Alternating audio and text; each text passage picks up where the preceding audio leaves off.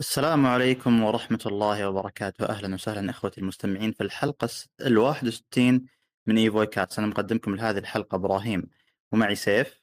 يا هلا والله. وفهد. يا هلا. وفيصل خلف الكواليس.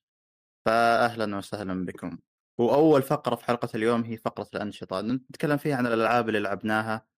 وبداية مع فهد. فهد أنت وش وش الألعاب اللي لعبتها الفترة الأخيرة؟ آه طيب بعد Metal Gear 3 حاولت أشوف ألعاب تملى الفراغ. آه لعبت ثلاث ألعاب صراحة ما ما عندي كلام عنهم فخلينا نقول نحذفهم آه لعبت آه الأهم بالنسبة لي اللي هي ديابلو ديابلو صراحة أول مرة ألعب لعب بهذا النوع خصوصا ديابلو ديابلو دائما نسمع عنها يعني من من زمان. يعني هي وسكاي العاب ال RPG الطقة هذه. دائما أسمع عنها لكن ما ما عمري جربتها ولا عمري فكرت إني أجربها. لكن خلينا نقول ممكن الفراغ حق Metal Gear آه، أجبرني عليها. والحمد لله إني جربتها. صراحة أشوفها من كنت تكون من أكثر منافسين ألعاب السنة يعني بشكل كبير. بس ممكن برضو الآن يعني تأخذها زلدا.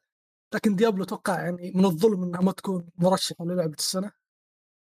آه يعني أنا بس أخلي موضوع ال RPG والامور هذه أنا ما أفهم فيها بكل أمانة. آه آه. طيب طيب بسألك سؤال مهم مرة اللي هو كم كم ساعة الآن خلصت وهل خلصت المحتوى الأساسي ولا لا؟ آه حاليا البلاي ستيشن قاعد يقول لي أنا لعبت 73 ساعة بس في موقع طرف ثالث قاعد يقول لا أنت لعبت بس آه تقريبا 50 ساعة فما أدري مين فيهم الصادق ومين الكذاب. لكن أنا أنا أحس إني لعبت أكثر أكثر إحساسي يقول. آه على حسب الناس اللي أعرفهم إنه يحسبوا هم عدد الساعات ويطلع بلاي ستيشن هبات يعني هم ما لعبوا. العدد اللي هو قايل لهم. فما أثق صراحة بالبلاي ستيشن إنه من ناحية الساعات اللي يحسبها. شوفوا الكلام ذا يعني في خذوها لما دائما تشوف الألعاب اللي الناس يقولون البلاي ستيشن غلطان فيها تكون زي موضوع الدرج إنه لعبة تعلمك هي هي يعني هي بنفسها داخل لعبة تعلمك. توريك الملف الشخصي وتقول لك أنت كم ساعة لعبت لأنه الالعاب هذه أصلا تحسب لك الوقت اللي أنت لعبته كم. حتى وأنت وأنت ماسك اليد. لو بس كذا قاعد الوقت قاعد يزيد.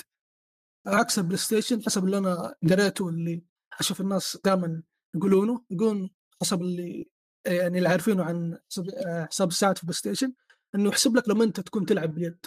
أما إذا تارك اليد ما ما يحسب اطلاقا. فأنا مرات أثق في البلاي ستيشن مرات لا. إذا يعني في في مرات يعني في لعبة Dead Dead Space أنا مخلصها تقول انت لعبت ثلاث ساعات. يعني واضح إنه هبات بس أنا Dead Space لعبتها وقت كان عندي نسخة البيتا من التحديث فقلت ممكن هذا السبب لأنه أنا نسخة آه. بيتا فممكن صار صار مشكلة شيء زي كذا. لكن باقي الألعاب أنا أثق في في حساب ساعة بلاي ستيشن انه ما ما يعني ما ما في طريقة ثانية أقدر أعرف صراحة غير حق بلاي ستيشن ومو كل الألعاب لها موقع طرف ثالث. بس خلينا مثلا نمشي على الموقع أنا لعبت خلينا نقول يومين اللي هي 48 ساعة وكم ساعة كذا زيادة. يعني تقريبا وصلت 50 ساعة. ما خلصت آه. القصة. آه توني خلصت ال act 3 باقي لي أتوقع actين أو ثلاثة تقريبا. آه في آه. يعني وقت وقت كله كان dungeonات قاعد أحاول أطور من نفسي. يعني اللعبه هذه آه خلينا نقول تجبرك تطور من نفسك كذا يعني أنت تصحى من النوم تقول أنا اليوم بطور نفسي في ديابلو ما ما راح القصة أنا بصير شخص أفضل. هذا هذا ممتع الشغلة. شوف ما ما بقول ممتعة مرة ولا بقول مملة لكن يوم يعني تروح الدنجنات ويطلع لك آه آيتم أو قطع الدرع تخلي شخصيتك قوية تنبسط. ها هي هذه المتعة. يعني المتعة لما يطلع لك شيء قوي. بس آه، نفس الدنجنات صراحة ما هي ممتعة مرة بالنسبة لي يعني. أصلا أغلب الوقت اكون مشغل بودكاست ولا مقطع حتى حاليا قاعد أتابع مسلسل وأنا ألعب ديابلو يعني. ما بس كذا بمشي الوضع. لأنه أنا عارف إيش قاعد أسوي فهمت يعني؟ أخلي يدي هي اللي تشتغل عقلي ما يحتاج يشتغل. لأنه أنا عارف يعني في أعداء في ممرات في مهام معينة أسويها أنقذ سجناء ولا أقتل كل الموجودين هنا وبعدين ينفتح لك عند ال boss زي كذا. فما له داعي إني أركز. فصرت أتابع مسلسل مع هذا مع ديابلو. نفس الوقت. بس طبعا وقت وقت القصة يعني أنا تقريبا خلينا نقول مثلا ألعب ست ساعات dungeonات وآخر ساعتين من اليوم ألعبها قصة. أنا عارف إن القصة ما هي مرة طويلة وبرضه عشان أركز في المشاهد السينمائية. فودي كذا في النهاية أشوف المشاهد السينمائية. ومن ناحيه المشاهد السينمائية أشوفهم صراحة أبدعوا جدا يعني بليزرد آه مشاهد يعني تتفوق على ألعاب خطية وألعاب قصة وهي لعبة RPG. يعني أنا اللي أعرفه ألعاب RPG ما يركزون في هذه الأمور يعني عرفت يعني يحطون جهدهم في أشياء أخرى عشان بس يحسنون التجربة. طيب لكن مم، ديابلو طيب آه، حتى المشاهد من- أيوه من ناحية ال animation يعني والسوالف هذه أنت إيش رأيك في اللعبة؟ ال animation في المشاهد السينمائية تعابير الوجه ال- لغة الجسد السوالف هذه. كلها كلها ممتازه صراحة. يعني أقول لك يعني ممتازه جدا. حتى يعني يعني شوف آه، ألعاب سوني اللي يقولون سينمائية ومدري إيش نفس ألعاب سوني صراحة ديابلو المشاهد السينمائية. يعني شيء شيء محترم محترم جدا.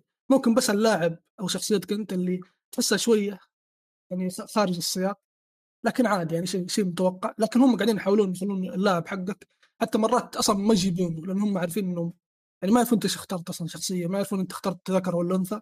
فما فالمشاهد السينمائية المهمة غالبا ما يجيبون شخصيتك. يعني آه. يجيبوا لك ليليث ولا الشخصيات الثانية اللي في القصة يخلون هم اللي يأدون المشاهد. شيء جدا مم. ممتاز حتى الاداء الصوتي. ممتاز خصوصا خصوصا شخصية آه، لورث. طبعا لورث ذا حق فاينل فانتسي يعرفونه هو المؤدي الصوتي حق آه كليف سد أو سد, سد. كلايف ست متاكد؟ لا يقولون- سد المهم والله أنت ذاك اللي. اللي خامته فخمة كذا طالعة. أيوه أيوه أيوه. هو هو سد ما هو كلايف سد. شخصية ثانية في فاينل فانتسي 16 عموما الشخص هذا أسطوري صراحة صوت صوته جبار. أتمنى نشوف ألعاب كثيرة. مم. القصة إلى الآن إلى ما أوصل له صراحة يعني خلينا نقول شادتني جدا وممتعة. هذا شيء ما كنت أتوقعه. ف يعني إلى الآن اللعبة عجبتني جدا بس أتوقع إني بتركها صراحة. ما ما أتوقع إني بلعب ال end game مع إنه هو خلينا نقول هو المحتوى الأساسي للعبة. يعني أنا ماني قاعد ألعب اللعبة لو تركت ال end game. لكن يعني عندي حياة يعني. أروح أشوف أنا ألعب ألعاب ثانية وأسوي شيء ثاني. بس ما أتوقع اللعبة بتركها يعني ترك كامل. ممكن إذا نزل لها إضافات أرجع لها. يعني على قولتهم خل- بخلي اللعبة في جهازي ما راح أحذفها. متى ما طقت في راسي أدخل ألعب بدخل ألعب. طبعا للي مهتم يعني قاعد ألعب أنا بال Necromancer آه skilled آه build آه ال blood. مم. وشوفوا build يعني ممتع وماشي ماشي على اللعبه يعني اللعبه كلها دم و يعني ثيم أحمر زي كذا. وأنا قاعد ألعب ب build blood يعني وضع جدا متناغم بصريا بصريا يعني أنت مستمتع ها؟ جدا. أنا يعني قلت لك البيئات ترى ممتازة في اللعبة. وذكرني كثير في بيئات God God of War ما أدري ليش. لكن في كذا أماكن تذكرني في God of War في أماكن تذكرني بألعاب ثانية. لكن آه، البيئات جدا حتى حتى توزيعها ممتاز. يعني ما ما هو توزيع آه، خلينا نقول آه، غير متسق. لا التوزيع ممتاز. يعني لما تروح لما تروح عند الثلج تشوف بيئات قريبة من الثلج. مو فجأة كذا بيئة شاطحة يحط لك غاب آه. في نص الثلج أو شيء زي كذا.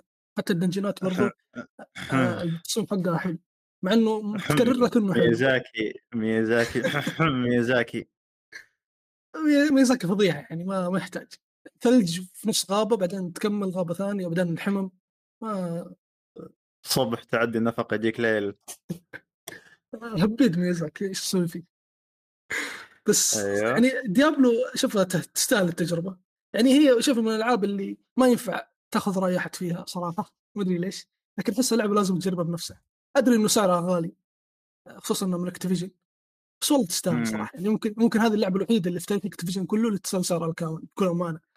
يعني لعبة تستاهل سعرها وتستاهل الوقت اللي بتقضيه فيها بكثير. يعني أنت تقول في لعبة تستاهل 70 دولار. اذا كانت ديابلو أيوه صراحة يعني لعبة بالراحة. بتقضي فيها 500 ما ب... لا ما بقول. بتقضي فيها 200 ساعة مثلا بدون ما تمل على أقل تقدير طيب إيش في لعبة غيرها؟ بس هذه حاليا المهم. طبعا بعد ديابلو برجع للرحله الممتازة مثل جير ألعب الرابع وبي سوكر بعدها. اسلم الراية خلاص أنا ما ما أتوقع بلعب الخامس صراحة ليه؟ عشان القصة ما تبغى تشوف القصة تكملتها؟ شوف هذه فكرت فيها بس ما أدري يعني ما ما أقدر ممكن السنة الجاية يعني كذا يوم مره أنسى يعني. الجزء الخامس أيوه لما أنسى الجزء الخامس من رأسي مرة وبعد ما ألعب الثالث الريميك إن شاء الله السنة الجاية يكون أشتاق إني أرجع للخامس لكن الخامس أنا صراحة آه. ما ماني طايقه ك gameplay طيب. أنا ما أعرف القصة يعني ك gameplay أنا ماني طايقه بس طيب، لدواعي القصة طيب. ما ما أظن صراحة في لعبة ثانية لعبتها؟ إنها من كوجيما يعني لا لا ما بس ديابلو حاليا طيب. آه... شيخ سيف وش الألعاب اللي أنت لعبتها الفترة الأخيرة؟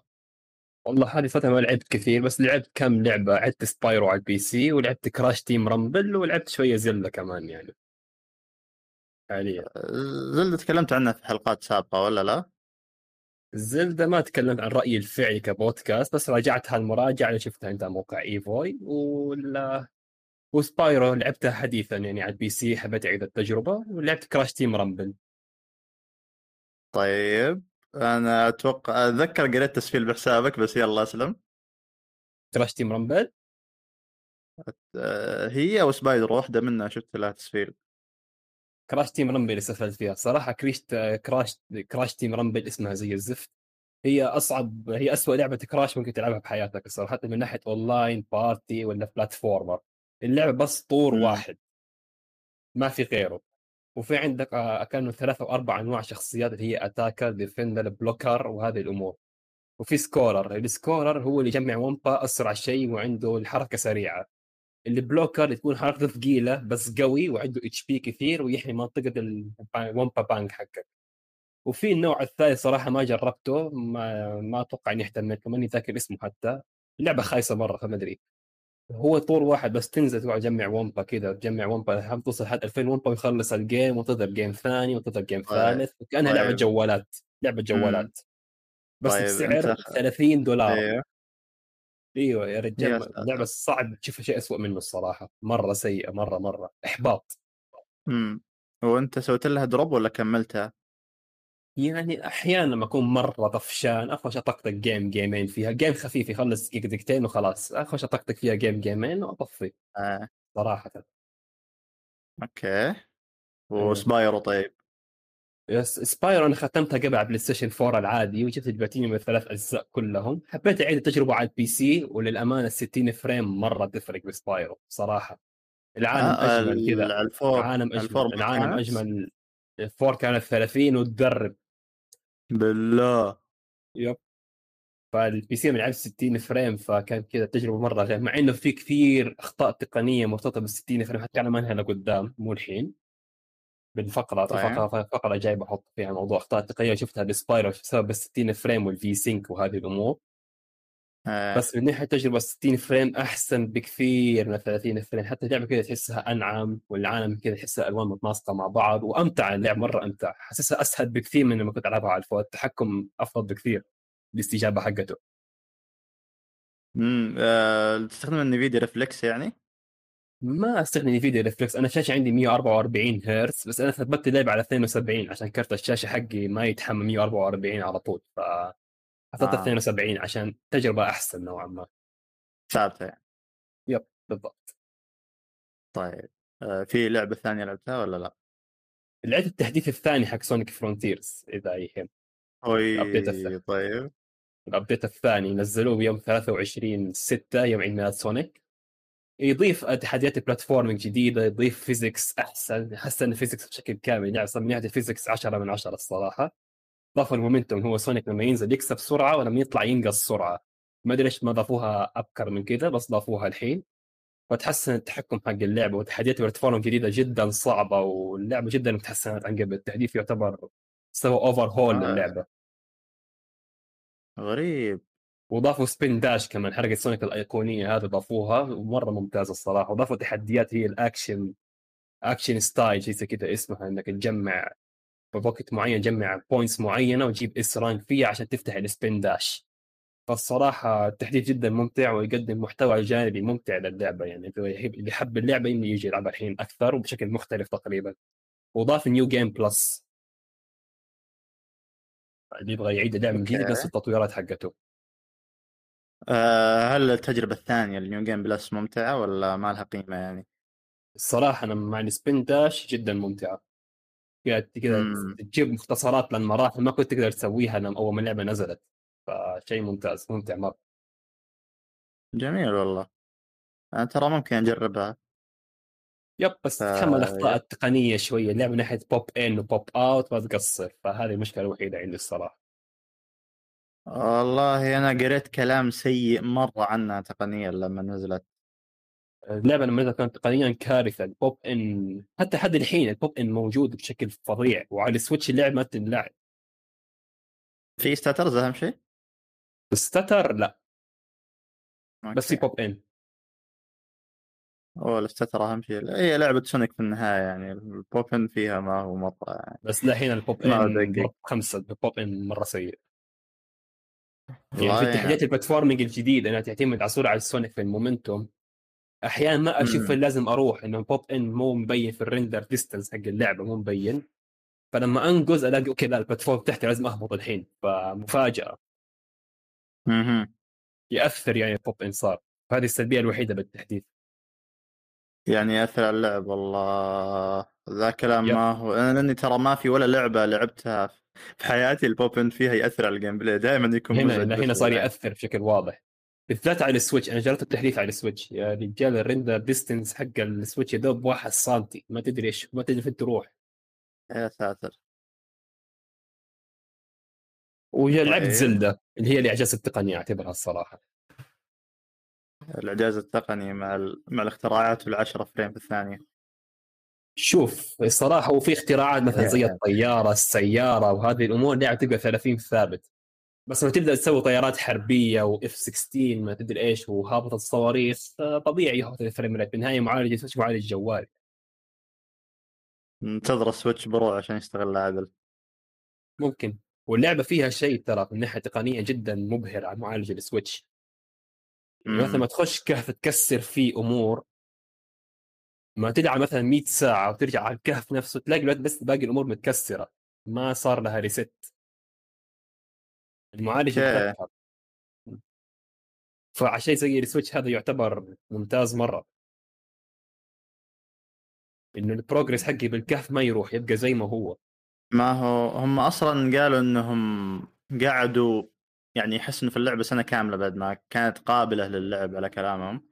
يعني yep قاعدة سنة كاملة يسوون optimization حتى ال technical director حق اللعبة صرح إنه ال physics حق اللعبة جننا في البرمجة انه البرمجة حقته كانت مرة صعبة على جهاز زي السويتش مم. طيب هل في أشياء يعني أشياء كانت في في الجزء الأول الجزء الأول كانت يعني خلينا نقول آه، أخف على المعالج من الجزء هذا يعني الجزء هذا جاب أشياء أجدد وأشياء مرة في أشياء مرة. ثقيلة على المعالج بهذا الجزء الجزء الأول كانت آه. القدرات معك المغناطيس وتوقف الوقت وفي قدرة إنك تبني مكعب ثلج الحين هنا القدرات جدا أعمق Ultrahand تسوي أي اختراع تبيه فهذه القدرة جدا ثقيلة على المعالج تخلي المعالج يتعذب وعندك قدرة. الديفيوز إنه أي شيء موجود في البيئة حولك يديك تدمج تدمجه بسلاحك. فالمعالج آه. لازم يسوي scan لكل البيئة اللي حولك عشان تسوي فيوز مع إيش. فال scanning على المعالج يتعب برضه من فترة الجهاز. وفي عندك قدرة recall اللي هو أي شيء يمديك ترجعه للزمن. مثلا رفعت شيء لفوق مدة 15 ثانية. سوي عليه recall آه. يرجع يرتفع فوق 15 ثانية. فالمعالج لازم آه. يتذكر فين كان هذا ال item قبل ما تنزله على الأرض عشان يشتغل recall والله والله سوالف. اللعبة ذي. أدري كيف ضبطوها على ال- أنا في نفسي ذا. بس المشكلة في اللعبة شيء واحد الصراحة من ناحية تقنية. أيوه. أحيانا وإنت ماشي يصير drop وإنت ماشي بس كذا تتمشى يصير drop بعدين يروح. أو stutter بالأحرى؟ مو stutter مثلا ما تخلي شاشة ال loading. يكون في drop frame بمكان معين ما تلف حول المكان يكون drop frame مو stuttering تتمشى شوي وحاولت ترجع 30 ثابتة. أها حسب كلام Digital Foundry هذا شيء سوى double buffering حق التحكم عشان 30 frame يكون التحكم استجابة أحسن فيضرب المعالج بدري شيء زي كذا. ما ما, ما. ممكن ما ممكن هو يكون في triple buffering ولا لازم بس ال double double buffering double buffering ما ممكن يعني أقول إنهم يضيفون لو triple يا رجال المعالج بيبكي خلاص. ال double buffering هو مثلا تكون لعبة 30 frame فبس لما التحكم يحسن الاستجابة حقته عشان يستجيب أسرع ما يصير في تأخير بالاستجابة بين التحكم واللعبة. مم. هو يا أخي إحنا لما نشوف مثل هذه التقنيات مرات يا أخي أقول أفكر أنا ماذا لو Nvidia Nvidia رجعوا يسوون رجعوا يسوون الع... خلينا نقول ألعاب على ال console أو خلينا نقول أجهزة console اللي هو يعني تعرف موضوع ال 60 frame حاليا في ال... 60 frame 30 frame على الأجهزة اللي هي PlayStation 5 و Series X. كان ممكن نقول مثلا لو DLSS 3 كامل حتى موضوع موضوع Starfield مع المعالج ال CPU limited اللي كان أو خلينا نقول لو كان في شيء مثل ال DLSS 3 على على على AMD على كروت AMD كان ممكن ذا الشيء يرفع الثقل بشكل كبير عن المعالج ويحسن المسألة بشكل كبير. دام ان اللعبة CPU limited يعني. ف أحس Starfield تشبه زلدا بالحال. حتى زلدا ال CPU limited مو GPU limited هو أكيد على السوالف اللي قاعدين يسوونها باللعبة. يعني ال graphics ما هو ذاك الزود لكن ال... لا جرافيك زلدا ممتاز. آه لا أتكلم عن يعني هل هو الشيء اللي بيدفع الجهاز خلينا نقول أقصى الحدود يعني يب شيء يب جرافيك زلدا أقصى حدود الجهاز هذه أقصى حدود الجهاز. ال draw distance بالذات هذه أقصى حدود الجهاز. طيب قبل ما ندخل في آه، في الفقرة الرئيسية بتكلم عن الألعاب اللي لعبتها اللي هي لعبتين. لعبت لعبة ثالثة اللي هي كانت 16 لكن أتوقع تكلمت عنها في الحلقة الماضية. فتكلمت عنها ما أدري بس من الآخر اللعبة ما أبغى أتكلم عنها كثير اللعبة أحبطتني بشكل كبير من تقريبا كل النواحي وتقييمي لها بنايه ستة من عشرة اللي يتابعني على حسابي بيعرف ليش. لكن أنا بتكلم الحين متحمس أتكلم عن ديث لوب ديث لوب اللعبه أنا كنت متحمس لها قبل ما تنزل لكني ما لعبتها لأن آه، قلت خليني ألعب أول شيء ألعاب الاستوديو السابقة إلى Prey بعدين ألعب Deathloop عشان كذا بعد آه، لما نزلت في ال Plus Extra تحمست أنا لعبتها قلت تعرف اللي بعد ما بعد ما راح الحماس آه، رجعت ألعب Prey على ال PC. و أنا مستأنس إني سويت هذا الشيء وتكلمت عن Prey سابقا في حلقه سابقة لكن Deathloop الآن دام انها نزلت ال Extra قلت خليني أستغل الفرصة وألعبها. اللعبة يا جماعة آه لعبة فكرتها زي ما الكل يعرف اللعبة عبارة عن loop قصة إنك لازم أو الهدف فيه إنك لازم تقتل ال Visionaries الموجودين على أساس إنك تكسر ال- الحلقة اللي أنت فيها. آه، تطبيق الفكرة هذه من ناحية ال gameplay كان مرة ممتاز. أنا أدري إنه في ناس كثير اشتكوا من ناحية التكراريه أنا شفت انتقادات كثيرة على اللعبة من ناحية انها لعبه فيها أنا قاعد أعيد نفس اللي قاعد أسويه دائما لكن أنا أقدر أوافقهم في حالات حالات مرة شاذة. يعني اللي أنا ما حسيت بتكرارية بشكل كبير انما حسيت إنه كل ما أنا أرجع للمكان أكتشف فيه شيء جديد. وهذا الشيء ممتع جدا. تكون عندي قدرات جديدة تكون عندي أنا طبعا أول شيء في اللعبة جمعت القدرات بعدين رحت خلصت ال- المهمات اللي خلينا نقول المهمات الفيجنريز اللي على أساس خلص اللعبة. أنا لا أخذت القدرات أول شيء. بعدين رحت هناك وأقدر أقول إني خلصت أغلب الأشياء في اللعبة. ما جيت اللاتيم لأني ما تم باللاتيم صراحة. فوقفت اللعبة لما اكتفيت منها. من ناحية ال shooting اللعبة كانت مرة مرة سلسة. أنا ما قد لعبت لعبة آه، shooter على ال controller حسيت فيها بهذه المتعة. من ناحيه قدرات اللعبة. فيها قدرات متوسعة وفي موضوع إنه أنت في شيء ازعجني حبتين اللي هو لازم يكون عندي بس قدرتين. آه، اللي أنا أتفهم إنه ممكن ذا الشيء إذا ما كان يعني إذا ما كان ممكن يكسر اللعبة. لكن آه، أنا يعني ما حسيت فيها بنفس المتعة اللي حسيت فيها في Prey ولا في Dishonored و Dishonored 2 من ناحية القدرات. لكن ما زالت ممتازة وتؤدي الغرض بشكل جيد في آه، في- خلينا نقول في اللعب. الآن اللعبة تقنيا كانت آه، خلينا نقول كان عليها مشاكل في ال PC بسبب نظام الحماية لكن أنا لعبت على ال PlayStation 5 وكان فيها مشاكل أيضا. كان فيها أنا قاعد ألعب بال frame rate mode أنا طبعا لأنها لعبة first person آه لأنها لعبة first person لازم والله إني خلينا نقول آه أحافظ على الأداء بأكبر قدر ممكن لأنه صراحة اصدع إذا كانت الفريمات أقل من 60 مع هذا كان في دروبات لما أكون في أماكن فيها إم بي سيز أو خلينا نقول يب إم بي سيز كثير. تكون أماكن أكون مثلا فوق مكان معين أشوف فيه كل الأشياء اللي في المدينة هذا شيء يخلي الإطارات تنخسف لين 40 frame ممكن ولا شيء زي كذا. يعني اللي أنا أشوف فريمات مرة هابطة. أه فأنا أشوف إنه الأفضل أي واحد أي واحد إنه إذا يبي يلعب Deathloop أشوف إنه الأفضل إنك تلعبها على على ال frame rate mode أو على ال performance mode إيش يسمونه؟ اللي هو وضع الفريمات من ناحية ال graphics اللعبة مرة جميلة. اللعبة جميلة من ناحية فنية وحتى من ناحية آه، ال texture ال texture كان جودتها عالية. ال- في تفاصيل جيدة في العالم. فما أقول إنها أحسن شيء لكنه شيء خلينا نقول أنا ما أتوقعه من Arkane خلينا نقول. Arkane أنا أتوقع أو اللي أتذكره حتى بالنسبة لوقتها Prey حتى بالنسبة بالنسبة لوقتها ما كانت آه، لعبة خلينا نقول آه، تركز على ال graphics ابدا. حتى ذي ما تركز على ال graphics لكنها أشوف إنها أفضل من المعتاد. آه، ف yep اللعبة رضتني بصريا. من ناحيه الاداء أغلب الوقت كان جيد. وجربت فيها ال ray tracing. ال ray tracing ما كان خلينا نقول ما كان. بهذه الجودة. يعني اللي ما هو game changer ف سبته. وضع الجوده الاطارات فيه أنا... أوكي هي أغلب الوقت ثابتة أيضا لكن أنا أفضل أنها تكون أثبت قدر الإمكان. يعني بالنسبة لي ال- الاطارات هنا أهم بكثير من من جودة الصورة. قصة اللعبة ما هي ما هي قصة عميقة ولا هي قصة خلينا نقول تبغى تبين أنها عميقة ولا هي معقدة. لكنها خلينا نقول آه، قصة جميلة.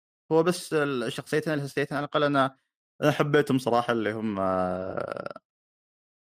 اللي هم ما أبغى أحرق علاقتهم لكني حبيت الشخصيتين هذول.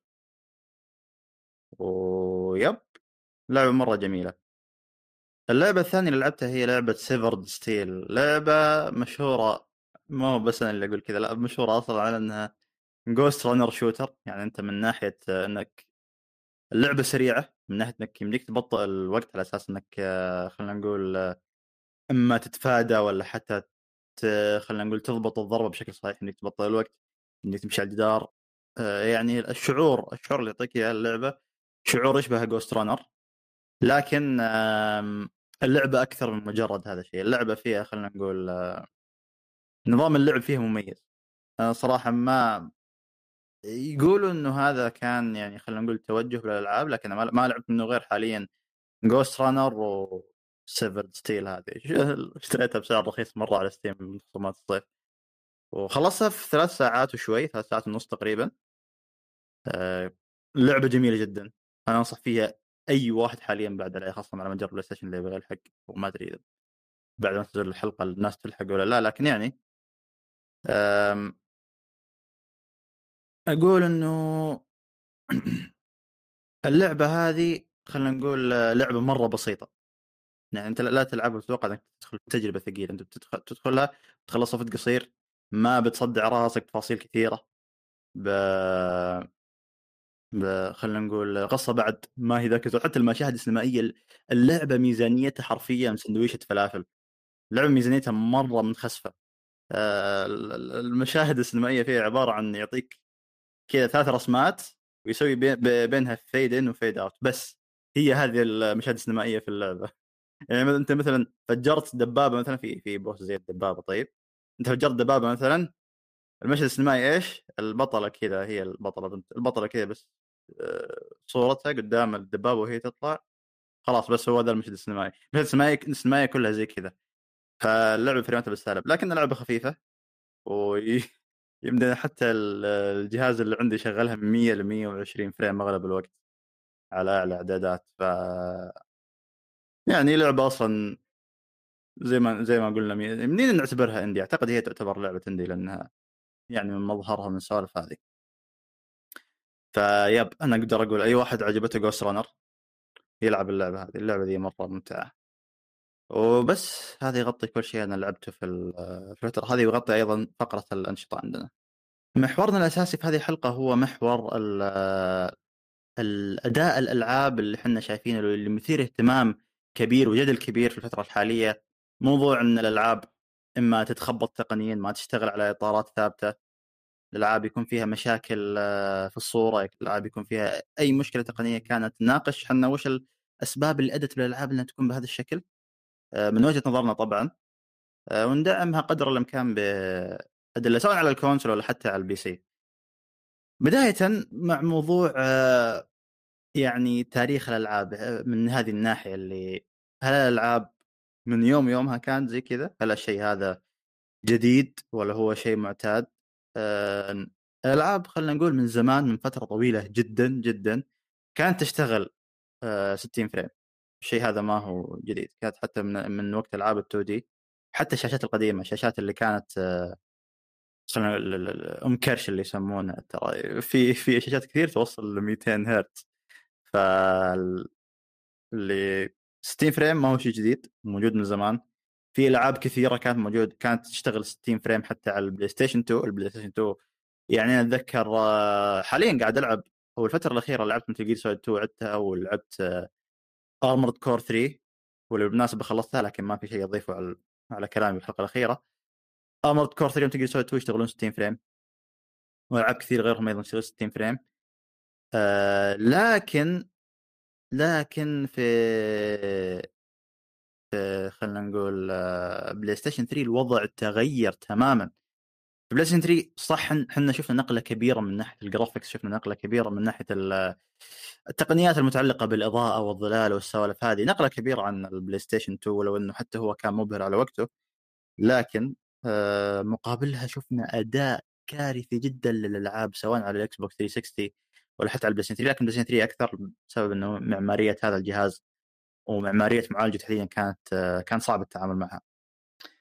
أه وللعلم في مقطع نزل محمد على قناة ايفوي يتكلم عن هذا الموضوع ليش PlayStation 3 صعب التطوير عليه والسوالف هذه اللي يبغى يتعمق في التفاصيل يعني. أم وبعدين في فترة PlayStation 4 كان الموضوع يعني موضوع متفاوت أنت يمديك تلاقي ألعاب صح يمديك تلاقي ألعاب متخبطة جدا مثل Dying Light 1 اللي نزلت في 2015 اللي طبعا طبعا كلنا نعرف إنه هي من مطور بولندي وطبيعي نشتغل بهذا الشكل. ألعاب مثل حتى ألعاب العالم المفتوح بشكل عام The Witcher 3 The Witcher 3 ما اشتغلت آه، بشكل آه، خلينا نقول مرضي على ال PlayStation 4 كان في drop ات واضحة وكان في مشاكل كبيرة مرة من ناحية ال draw distance والتفاصيل البعيده تطلع بكسلات اللي شيء مرة كان ما هو جيد ابدا مع إن اللعبة كانت خلابة. وال style الفني هو اللي كان رافعها أصلا. كان في بعد ألعاب مثل آه، خلينا نقول Assassin's Creed Unity كانت كارثة تقنية بكل ما تحمل الكلمة من من على ال- 2014 هي تعتبر من من أول الألعاب اللي كانت next gen على قولهم لكنها كانت سيئة. لكن أيضا كانت في ألعاب ممتازة. كان عندنا اللعبة اللي نزلت على ال Play 3 أيضا لكنها صار لها port مرة ممتاز على ال four اللي هي Metal Solid V كان في لعبة next gen اللي هي Batman Arkham Knight كانت مرة ممتازة من ناحية graphics من ناحية الأداء. آه، من ناحية الأنظمة كانت اللعبة جدا غنية بال- بالتفاصيل اللي تخليك تعتقد وقتها أو تشوف إن هذه فعلا لعبة next gen أه واستمرينا بهذا الشكل لنهايه الجيل صارت الألعاب الأساس فيها إنه يكون أه ما تكون 30 ثابتة. تلاقي 30 لكن يكون في شيء طبيعي إن تلاقي drop واللاعبين وقتها كانوا متعودين. لكن الكلام ذا الآن صار في تخبط على ال PlayStation 5 الناس ما عندهم مثل أول. زين؟ آه الناس آه خلينا نقول ما عاد صاروا هم يتحملون إنهم يشوفون 30 frame. اولا بسبب إن الشركة أصلا كانت آه الشركات اللي هم Microsoft و Sony كانوا يقولون إن الجهاز يشغل 4K 120 frame والسوالف هذه. فالناس وقتها آه أغلبهم تحمسوا والناس الآن اشتروا شاشات ممتازة. والشاشات الممتازة ترى تخلي الواحد يشوف ال... يعني أي مشكلة تكون في الصورة تكون أوضح بشكل بشكل كبير عن أول. فيب اللي هو هذا السبب يخلي الناس ما يتقبلون ال 60 frame حاليا. لكن إيش رأيكم انت فهد إيش رأيك أنت؟ هل ال 60 آه، العاب أقل من 60 frame حاليا مقبولة على ال PlayStation 5 ولا لا؟ آه، شوف أول شيء بتكلم عن النقطة اللي أنت ذكرتها اللي هي زمان كنا نشوف ألعاب 60 frame زي مثل PlayStation 2 أتوقع ممكن أغلب ألعاب PlayStation 2 كانت تشتغل أصلا 60 بس اغلبها PlayStation Play Station PlayStation 3 آه، خلينا نقول بدأت النكسة اللي صار. مم. لا في والسبب يعني مرتبط بالشيء اللي كمان قلته أنا في الحلقة السابقة إنه المطورين نفسهم أو خلينا نقول الترند اختلف. يعني أول كا كان المطور ما يهتم بالسينمائية وما يهتم بال graphics أنا بطبق مم. يعني بسوي الفكرة اللي في بالي اللي أنا قلتها لأخوياي عرفت آه، اليابانيين. واجتمعنا وسوينا لعبة وأعطيناها سوني وسوينا نزلوها في PlayStation 2 آه، بس طيب. PlayStation 3 الوضع اختلف صار لا في في منافسة في في شيء غير الأفكار خاصه عندي فكرة ممتازة وكل شيء لكن الفكرة الممتازة هذه كيف اخلي الناس يتقبلونها أصلا؟ كيف. كيف أنزل لعبة كمثال يعني زي باتمان وال graphics حقها مثلا يكون زي باتمان اللي نزل على اللي هو Batman Vengeance اللي نزل على PlayStation 2 ما الناس ما راح يتقبلوها بس حتى لو كان 60 frame وهذه هي المشكلة. مم. وإلى الآن ما زالت مستمرة وهو هو سبب وجود 30 frame إلى الآن. المطورين هذا يعني نظرة الشخصية أشوف المطورين طاحوا في يد أجهزة قوية جدا وهم ما هم يعني ما هم بقدر الذكاء الكافي إنهم يستغلون هذه الأجهزة. إلا طبعا المطورين يعني نعد يعني استديوهات ينعدون على أصابع اليد الواحده اللي تقول الحمد آه، لله الكلام هذا الكلام هذا حصري على الجيل PlayStation 5 ولا ال 3 يشمل ال 3 وال 4 ما يشمل ال three لأنه ال three كان آه، عته من سوني بكل أمانة. يعني أتوقع في ألعاب كثير أصلا كانت تشتغل على على ال Xbox 360 60 frame ترى. كانت تشتغل 720 لكن على ال three كانت تشتغل 480 أو 600 آه. p على 30 زي كذا. يعني أصلا. المشكلة من ال three نفسه. يعني جيل ال three ما أقدر أتكلم عنه صراحة لأنه المشكلة من سوني. آه، نقطة بس هو صح إن الألعاب اسوء على 3 لكن حتى على ال 360 كان في تخبط حتى من ناحية الأداء والتقطيع اهون من والسوالف 3 هذه. اهون من 3 بكثير مم. يعني عرفت؟ يعني أوكي تخبط على 720 ولا تخبط على 600 p ولا السوالف هذه. مم. في جيل ال four أشوف الوضع صار في النص عرفت؟ يعني إذا المطور يقدر جزاه الله خير. لأنه جاء يعني وكمان إحنا سمعنا كلام من مطورين سوني نفسهم زي آه، آه، كوري بارلوق يقولون المعالج يعني قاعدين يسبون المعالج السب يقولون المعالج هذا تعبان آه، هذا ما معالج ما ما ينفع بريال. وحتى طلع كلام إنه- 2018 الكلام ذا صح؟ إيوه. وحتى أتذكر طلع كلام إنه ترى معالج ال Three أقوى من حق ال Four يعني. أتوقع آه يعني لا اللي سوالف. سوالف سوالف. أوكي سوالف. ففي في مشكلة مع يعني في مشكلة جهاز في ال Four حتى أتذكر ال Four Pro ترى كان أفضل. وكان شيء شيء في نقلة حرفيا يعني. جهاز مم. Pro بسبب معالج ال Four فأوكي يعني أنت عرفت خلاص يعني أنت كان عندك عذر في ال Three كان عندك عذر في ال Four ما عاد لك عذر في ال Five. أنت عندك جهاز أسطوري جهاز قوي جهاز جا- ما ما أقول الأجهزة تشغل 4K 120 هذا كمان أنا ما اقوله ترى ما أتفق معاه أوكي؟ لكن أنا ما ب... يعني أنا برضو كمان ما أقول إنه ال Four إنه ال Five وال Series X يشغلون 720 يعني الوقت. يكون منطقي شوية. ه- هذه قلة أدب من المطورين يعني مو مو, مو كلام منطقي إنه أنت تشغل لعبة 720 وتقول والله السبب الجهاز. شيء غير منطقي اطلاقا بكل أمانة يعني. شيء ما يدخل العقل. عرفت يعني أوكي الاجهزه ما هي قوية ما هي ما هي 40 90 عرفت؟ ما هي ما هي شيء خارق.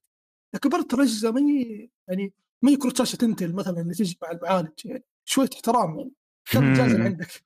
فاللي صاير أنا اللي أنا شايفه إن المطورين طايحين في أجهزة فيها موارد أجهزة قوية جدا فيقوم يعني يستغل كل الموارد هذه في أشياء ما لها فائده زي. تتبع الاشعه في ال console ترى ما له فائده أنا هذا الكلام أنا مؤمن فيه. آه، تتبع الاشعه في ال console ما له فائده طيب لو. ما في لو ما في تتبع اشعه كذا وضع performance ولا graphics من, من الكلام اللي اللي اللي أشوفه إنه تتبع الاشعه هو المصيبه اللي صاير. خصوصا في اخر لعبتين نزلوا اللي هم Final Fantasy و Jedi بس Final Fantasy ما فيها ما فيها تتبع اشعه فيها شيء زي كذا تتبع ظلال وتتبع مسارات. موضوع تتبع هو في. تتبعات كثير. لا لا لا ما هو هو ال ray tracing أدري إنه في أنواع لل ray tracing لكن ما ما في أي شيء يدل على إنه في ray tracing في الظلال هو ظلال ممتازة لكن غالبا. وما ما هو يعني كل ال... كل البيئة خلينا نقول يعني حتى ترى اللعبة من ناحية ال... من ناحية ال... من ناحية التكستشرز من ناحية السوالف هذه ترى مضروبة اللعبة يعني ما... موضوع ما وقف بس على الظلال ف في. أنا ما جربت أصلا خليها على جنب لعبة. يعني آه، فيها مصايب أكثر من تتبع الاشعه فيها تتبعات آه، أخرى. فخليها على جنب. لكن طيب. Star Wars أنا جربتها وأنا لعبتها وكل شيء. أنا شوف سمعت كلام Digital Foundry كامل. يعني أتوقع Digital Foundry هو المقطع الوحيد اللي شفته لهم حق Star Wars يعني من كثر القهر اللي فيه. وأنا وأنا دافع 70 دولار. آه، ف شفت المقطع كل كل الصف تتبع الاشعه وأنا أنا أنا ماني فاهم ليش Respawn حاطين تتبع اشعه في طور الأداء. مين طلب؟ مين طور الاداء؟ هم حاطين؟ إيوه حاطين في طور الاداء تخيل يعني تخ- تخيل ال- المصيبة في طور الاداء حتى تتبع اشعه طيب ليش؟ يعني والمشكلة يقول لك يعني Digital Foundry يقول لك ترى هو نفسه يعني تتبع الاشعه نفس ال... نفس قوة طور الجودة يعني مو مثلا مقللين ولا حاطين نفس نفس القوة يعني غريبة. تتبع الاشعه بنفس القوة في جودتين مختلفة واحدة المفروض توصل 60 وواحده المفروض تثبت على 30 طيب ليش؟ فأنا زي ما قلت إنه أنا شايف المطورين مشكلتهم إنهم قاعدين يفكرون في 60 frame كشيء ك على قولتهم شيء كمالي عرفت ما ما هو شيء أساسي وقاعدين يفكرون. تتبع الاشعه إنه هو الشيء الأساسي إنه اللاعب ما يبي 60 frame، اللاعب يبي يشوف انعكاس الشخصية في الموية، يبي يشوف انعكاس الظلال، يبي يشوف الظلال الواقعية، بس هو ما يبي 60 frame. هذه هذه مصيبة، وغير هذا طبعا مصيبة الدق الدقة نفسها يعني إنه قاعدين يلعبون لعب في الدقة شيء غير طبيعي تشوف 720 مرفوع ال 2K ودقات كذا يعني شيء شيء فوضى. يعني أنا اذكر يسوي؟ إيه يسوي إيه، فل اتش دي. أصرف من الآخر ترى أحسن من فعلا والله فعلا. بس, بس برضه يا أخي أنت في البداية أتذكر يعني في البداية الناس كانوا يسبون سوني عرفت؟ كانوا يطقطقون على سوني لأنه حاطين دقة سبايدر مان مايلز موراليس دقة راتشت آه، مي- آه، 1800 ومرفوع ال 4K دايناميك أو شيء زي كذا. ممتازة ذي. والناس كانوا يسبونه ويقولون ي- فاشلين وما يعرفون يستغلون الجهاز طب إذا هذولك فاشلين يعرفون يستغلون الجهاز طب هذول إيش قاعدين يسوون؟ فأنا أقول إنه المشكلة من المطورين إنهم قاعدين. يستغلون القوة الأجهزة في شيء ما يعني يستغلون لإرضاء رغباتهم باختصار مو لإرضاء رغبات اللاعبين يعني أنا كمطور أبى أحقق الشيء اللي أنا اللي أنا أطمح له مو الشيء اللي. اللاعب ويستمتع فيه لا بقدم شيء عشان الناس يقولون والله graphics اسطوري و graphics ما يتكرر شوف تتبع الاشعه وشوف الشخصية كيف لما يتحرك تتحرك ال... آه، يعني لما تتحرك تشوف المرايه كل شيء حولك يتحرك آه، التفاهات هذه حقتهم آه، تتبع الاشعه هذا تتبع الاشعه ما أدري ليش موجود في ال console والله. ما ما شوف ما شوف له أي فائده صراحة. وكرت AMD كرت AMD أنا شوف ما أعرف هذا السؤال حق ام دي ولا بعرفها لكن أنا أعرف ان ام دي يعني جايبينهم من العيد هذا اللي أعرفه. آه هو بس كذا ببساطة على أساس حتى المتابعين يعرفوا اللي هو معمارية يعني حتى كلام مين كان قالوا آه، أتوقع ريتشارد من ديجيتال فاوندري قال حدث آه، حدث الإطلاق حق معمارية هارد دي إن إي كان حاضرة في 2019 يقول لك من كثر ما إم دي بايعين أصلا قضية الري تريسنج كانوا يقولوا ترى ال ray tracing اسحبوا عليه ما له دخل. كذا ما ما, ما منه فائده الحين اسحبوا عليه. تعرف اللي ما ما هم عاطيني وجه أصلا عكس Nvidia. Nvidia حرفيا مسمين كرتهم RTX ray tracing إيش ترى عشان أنا عشان كذا مقور أنت كمطور ليش قاعد تسوي هذه الأشياء؟ يا أخي طيب تبي تسويها؟ آمنا بالله أنت بتسويها. يا أخي حطها خيار لا تش... ليش تجبر عرفت؟ أنا ليش كلاعب انجبر إني ألعب اللعبة زي ما المطور يبغاها؟ ونفس الكلام ترى على ستار... على ستار فيلد مم. يعني مو بس الكلام على موضوع تتبع الاشياء مم. الكلام آه، يشمل إنه ليش المطور. يجبرني ستار فيلد بيكون لها فقرة خاصة بس أنت قصدك يعني آه، الخيار يكون زي مثلا ديث لوب ودوم ايترنال ولا لا؟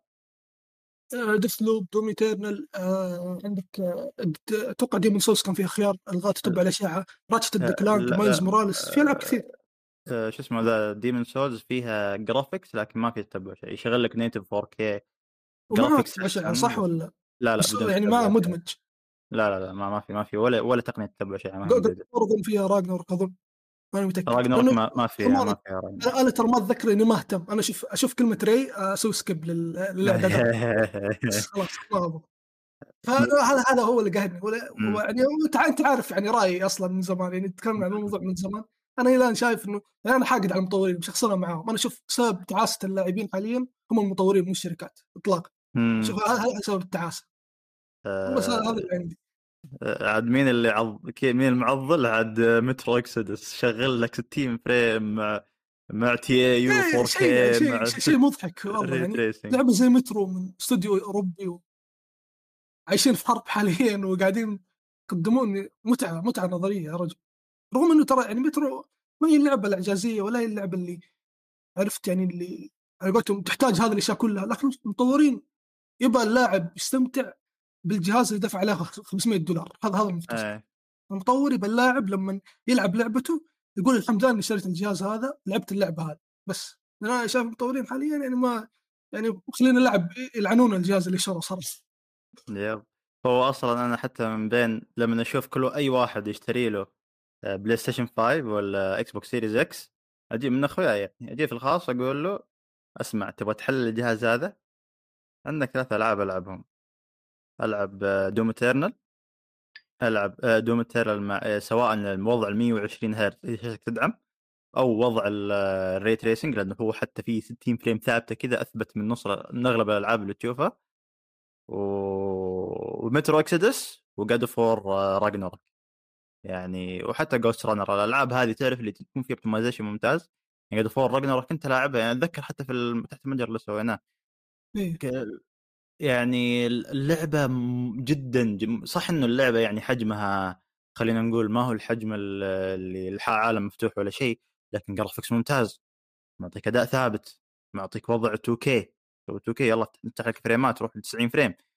آه، فعشان كذا أقول أنا للناس الألعاب هذه لعبوا هذه كذا المطور كذا يسوي optimization على شرف قبيلته كلها. صراحة ترى يعني أغلب ألعاب سوني صراحة يعني سوني أتوقع هذا المدح الوحيد اللي بتحصل عليه في هذه الفترة.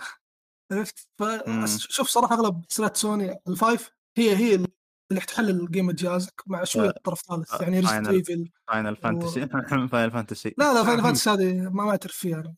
أنا سلات سوني الطرف الأول يعني ريتيرنال عرفت؟ آه، راتشت مايلز هذول الشخص لو يلعبهم حتى حتى لو ما تحب هذا الالعاب حتى لو تقول ما- ماني ورع العب راتشت ولا تقول سبايدر مان لعبة super hero العبهم لو أنت عندك five وما قد لعبتهم وتبى لعبة تحسسك إن أنت شاري جهاز جديد العب هذه الألعاب. صدقني راح تكتشف المشكلة في مين يعني.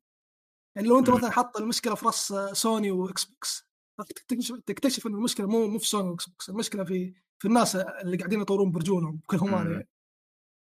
طيب آه، الحين سؤال ثاني موجه لسيف.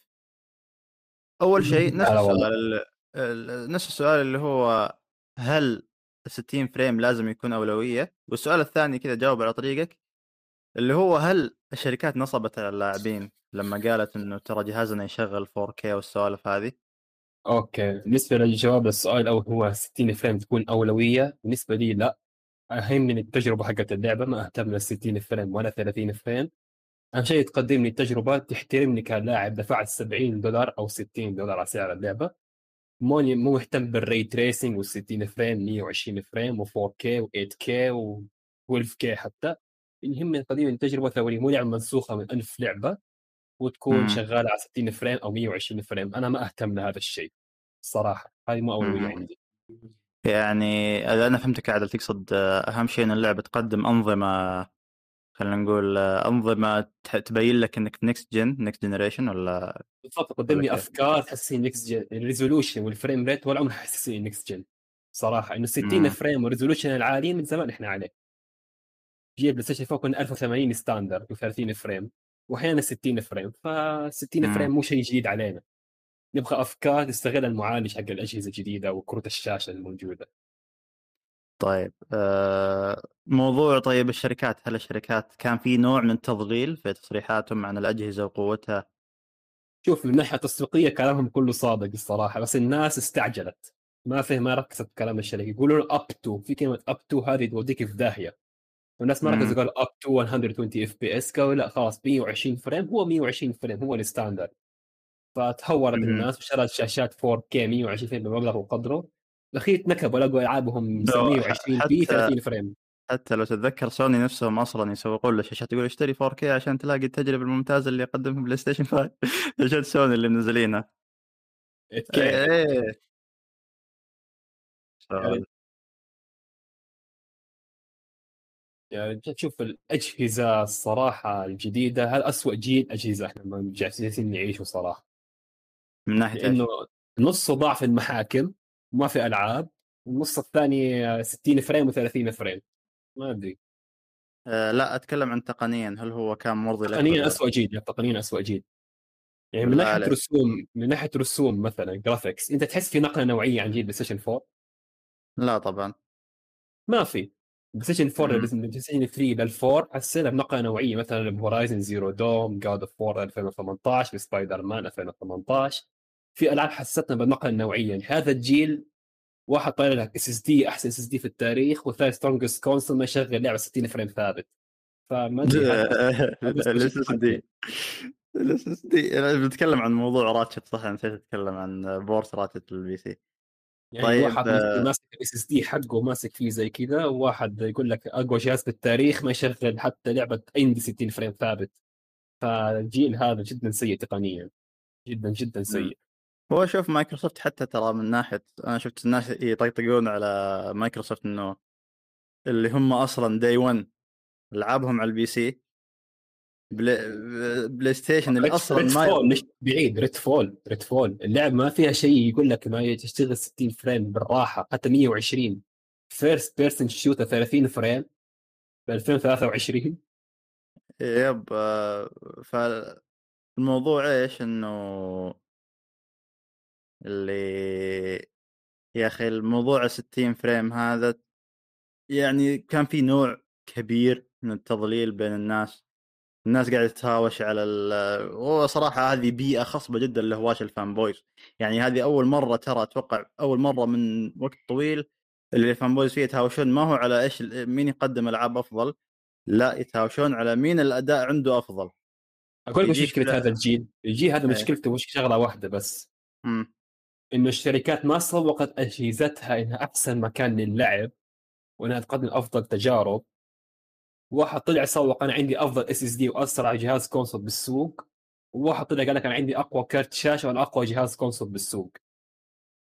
وهذه تقنيات الناس ما تفهمها ولا تدري وش هي جديدة عليها يعني إنه الناس الكاجوال طيب بس صاروا. هاي صاروا يهايطون الحين ال SSD حقي أسرع هذا التحميل ما يحملها ال Xbox آه. وهذا ما أدري إيش و- وهذا مو فاهمين السالفة أصلا وش يصير في البرمجة حقت اللعب. إذا إذا حطيت Ratchet على كلوش ترى ما تشتغل ال SSD ما هو قوي كفاية. يا رجال Ratchet تشغلها SSD حق لابتوب طيب آه، أجل دامك كذا بسألك سؤال اللي هو إيش إيش أبرز الألعاب اللي أنت عانيت معها اللي خلتك كذا وجعت عينك أنت؟ سواء في جيل ال PlayStation 4 ولا حتى في ال five. والله الصراحة هو ال soft إيش اللعبه موجعت عيني. وجعت عينك يعني فيها دروبات واضحة stutters. واضحة لا التجربه ما هي ما هي مستقرة ابدا أداء تقني مجملا مرة سيء. فكر لعبة كان فيها أداء سيء ما كملتها بس ناسي اسمها على ال PlayStation 5 ال five ماني متذكر بالضبط بس كان اداءها تقني جدا كارثي. Forspoken ما لعبت Forspoken اتذكر آه. نزلت لعبة من ال Plus Deluxe كذا كان اداها تقني خايس وحذفتها على طول ماني متذكر. يا ساتر. وفي على ال Xbox الصراحة مع غرابة شيء Resident Evil 4 آه، Xbox أي واحد. Series X غريبة ال Series X كانت سيئة Resident Evil 4 في منطقة بالقرية كذا أتوقع ال chapter الرابع أو الخامس اللي فريمات تطق 20 على طور الأداء. آه، في الق... في اللحظة في البحيرة؟ مو عند البحيرة عند chapter 5 أو 4 شيء زي كذا ماني متذكر بالضبط. في منطقة كذا تكون تهرب من الزومبي أو ال- آه اللي من الكنيسة تهرب؟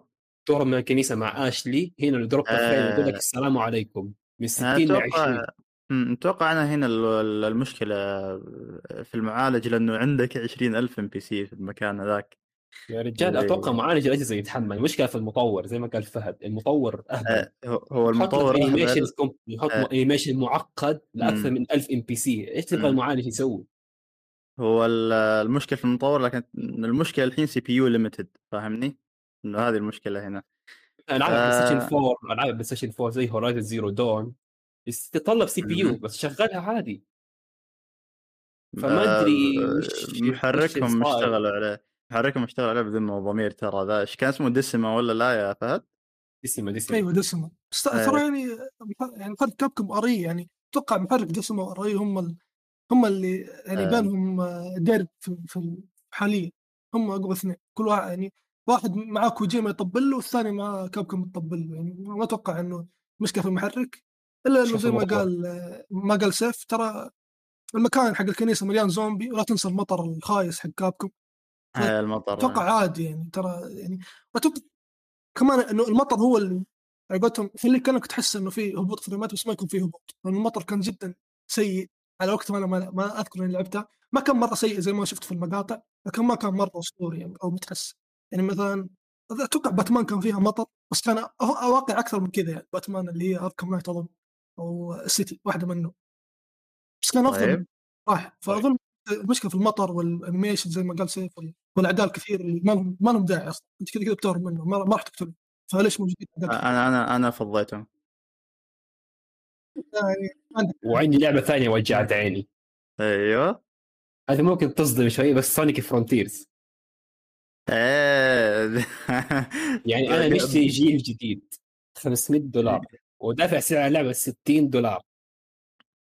وجهاز فيه SSD يعني المفروض ال pop in وال pop out هذا ما يصير كذا يعني الصراحة يصير يصير. لود يصير لود وانلود بسرعة أنا جالس؟ ألعب شاشة لودينج حرفيا شاشة لودينج قدامي لعبة تتحمل قدامي. شيء يوجع. العين. يعني مثلا أكون ماشي تحدي platforming أطيح إنه ما عارف فين أبغى أنقز. okay طيب. ال platform لازم أروح عليه مو مبين. هذا شيء يوجع العين.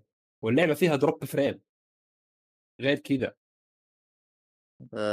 أنا شفت عليها دراما ترى إنه اللعبة على Series S ترى كانت تشتغل 30 frame. دي طور Sonic 60 Frontier طور 60 تسليك يا دوب مشغل اللعبة أصلا.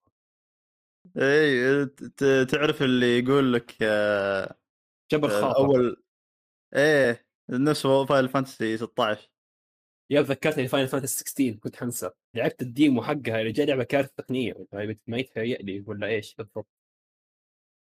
اي صح هذا موضوع بعد مهم اللي كارثة تقنية لعبت مم. ال demo الساعتين لعبة كارثة تقنية مم. الصورة يا رجال فيه بكسلات PlayStation 5 ومهندسين سوني شغالين على اللعبة تطلع بكسلات كيف مم. آه، شوف هو ال- الموضوع يعني في المشاهد إنه- السينمائية تحس نفسك تلعب Game of Thrones. لما تلعب تحس نفسك تلعب لعبة نازلة 2006 شيء مو طبيعي يعني أي مطور كلام. حط شغل اللعبة على 600 p أو 720 p ما أدري إيش الدقة اللي شغلوها عليها الأرقام الخرافية آه. حقتهم و FSR 1.0 يرفع على 4K كيف؟ هي dynamic ما بين 720 و 1080 في لما تتمشى طيب ولما ت... لما تكون في القتال تصير 720 على طول ثابتة ما ما تتغير 720 upscale ل 2K لكن طبعا ال upscale مرة سيء طور الأداء upscale ل 4K مم، كيف طيب؟ لا لا الأداء الأداء ترى ل 2K ما هو ل 4K لا هم يقولوا وضع 4K يقولوا 4K سوقوا لعبة إنها 4K 30 FPS لا هذا على كلام Digital Foundry على كلام Digital Foundry إن اللعبة ابدا الكلام ما التسويقي حق الشركة اللي هو سوني والمهندسين حقونها عمي 720 FSR. مسكها ل 4K كيف؟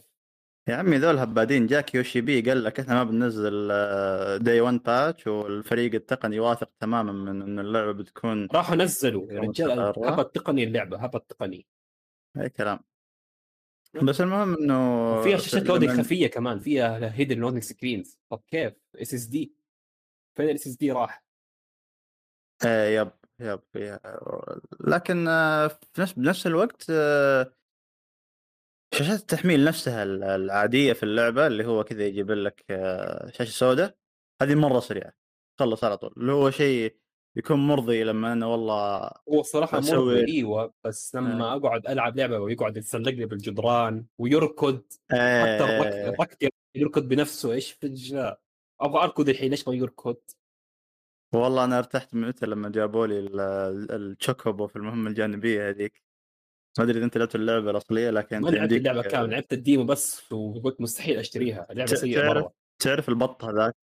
هذه نقطة لازم إن الناس كلهم خلينا نقول على الأقل المطورين يهتمون فيها والناس بعد يعرفونها إن المطور ترى يستهدف إطارات معينة لما يطور اللعبة لازم ي- يحدد أنا أبغى اللعبة هذه تكون كم frame. على الأرجح إنه كانت مم. 30 بعدين ضغط ادائي خلاها 60 أيوه بالضبط بعدين قالوا يلا خلينا نرجع نسوي 60 وفي النهاية نكبوا وما قدروا يسووا حتى مع تخفيض وأنا عندي لعبة ثالثة مو وجعت عيني بس مستغرب ادائها تقني كيف على هذا الجيل مم. Crash Team Rumble نفسها؟ حرفيا اللعبة حرفيا رسومها اسوء من Crash 4 مع إنه نفس ال assets ما أدري كيف ضبطوها. كيف كيف قدروا يبتكروا هذا الشيء الجديد بتاريخ الألعاب بس سبنسر بوب نجحوا سووها. Crash. لما كنت ألعبها الرسوم مليانة ألوان وكذا فاقعة وشيء مرة ممتاز. حتى هذا على نسخة ال four مو ال five نسخة ال five اللعبه تحفة. Crash Team Rumble تستخدم نفس ال assets ب mapات أصغر باشياء أقل تصير ب graphics أخيس. كيف ضبطوها هذه الصراحة؟ شيء غريب اللعبة لا تقنيا ضابطة ولا gameplay ضابطة. ولا mapات تصميمهم زي الناس ولا شخصيات زي الناس. حرفيا كارثة. مم. هو على كلام بعد على كلام جون من Digital Foundry اللي هو ترى المطور. إذا في في الأجهزة الحال الجيل الجديد اللي هي بلاي 5 Xbox Series X و Series X Series S إذا استهدف 60 frame استهدف 60 frame من بداية عمليه التطوير وما قدر يسوي هذا الشيء يعني okay إنت إذا إذا قلت أنا أبغاها 30 frame أبغى أسوي أشياء مجنونة كذا بال graphics وذا طيب يلا تفضل آه، سوي اللي تبغاه. لكن أنت تستهدف 60 frame. وما قدرت فهذه ترى مشكلة المطور لأنه حاليا آه، حاليا الألعاب ما في ما في منها أي لعبة آه، ما أي لعبة تبرر إنه والله اللعبة تكون بجودة أقل من full HD وفريمات أقل من 60 بنفس الوقت. الشيء هذا يعني ابدا ما هو مقبول. في الالعاب ترى تشتغل full HD بس مثل مثل Guardians the Galaxy مع إنه أنا عندي مشاكل معاها من ناحية من ناحية ال aliasing وشويه دروبات. لكن اللعبه في النهاية قدمت تجربة مقبولة خلينا نقول. المفروض على الأقل الألعاب على الأقل أقل شيء على أقل تقدير تكون full HD 60 frame فاللي هو لازم لازم الناس يعرفون ذا الشيء اللي ترى اللعبة اللعبة نفسها آه، لازم تحدد هي إيش لازم إيش اللي تبغى تقدمه يعني. اللعبه مثلا آه، يعني حتى على البلاي ستيشن 3 أنت تلاقي ألعاب 60 frame لأنه المطور يبغى كذا من البداية أصلا. على البلاي ستيشن 4 بتلاقي ألعاب مثل Doom بتلاقي ألعاب مثل Ghostrunner آه، الأشياء هذه موجودة يعني لكن المطور يحددها من البداية. يعني هو الموضوع أقرب لكونه قرار قرار من المطور أو قرار تصميمي أو ايا كان يعني المصطلح اللي يطلق على هذه على هذه الحالة. طب أنت يا فهد إيش أكثر الألعاب اللي عانيت معاها أنت تشغيلها؟ طيب قبل ما أقول العاب آه، كلام اللي قالوا سيف على موضوع إنه 60 frame ما هي مطلب آه. شيء متعودين عليه لا أتفق معاه بتاتا يعني جملة وتفصيلا لا أتفق معاه صراحة لأنه 60 frame حقت ال four زي ما قلنا كانت ألعاب تنعد على يعني أصابع اليد الواحده تقريبا يعني. شيء شيء نادر. عرفت يعني إذا لعبه 60 الناس كلهم كذا يتجمعون حولها. كأنهم أول مرة يشوفون لعبه 60 على ال four. انه أوه لعبة تشتغل 60 frame يعني كان شيء مجنون.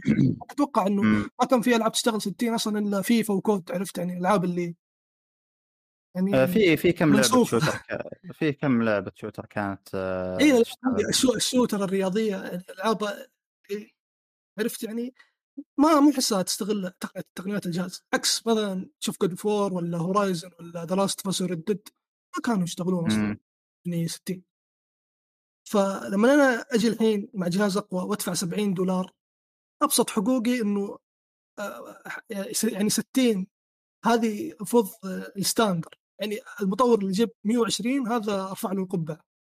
بس اللي يجيب 60 هذا ال standard. أي لعبة 60 frame. أقل كل ما أنا لو مكان سوني ما نزل أي لعبه 60 frame 30 frame كل ما يعني أقول حبيبي روح عدل لعبتك بعدين تعال يعني لعبة زي Plague Tale وزي Gotham Knights أقول له حط اللعبة في جيبك يعني إيش إيش تبغى نسوي لك؟ أنا Gotham Knights كارثة.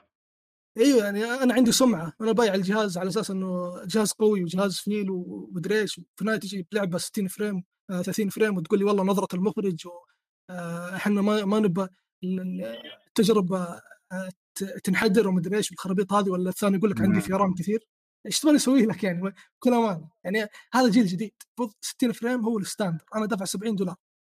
العكس تماما موضوع الدقة.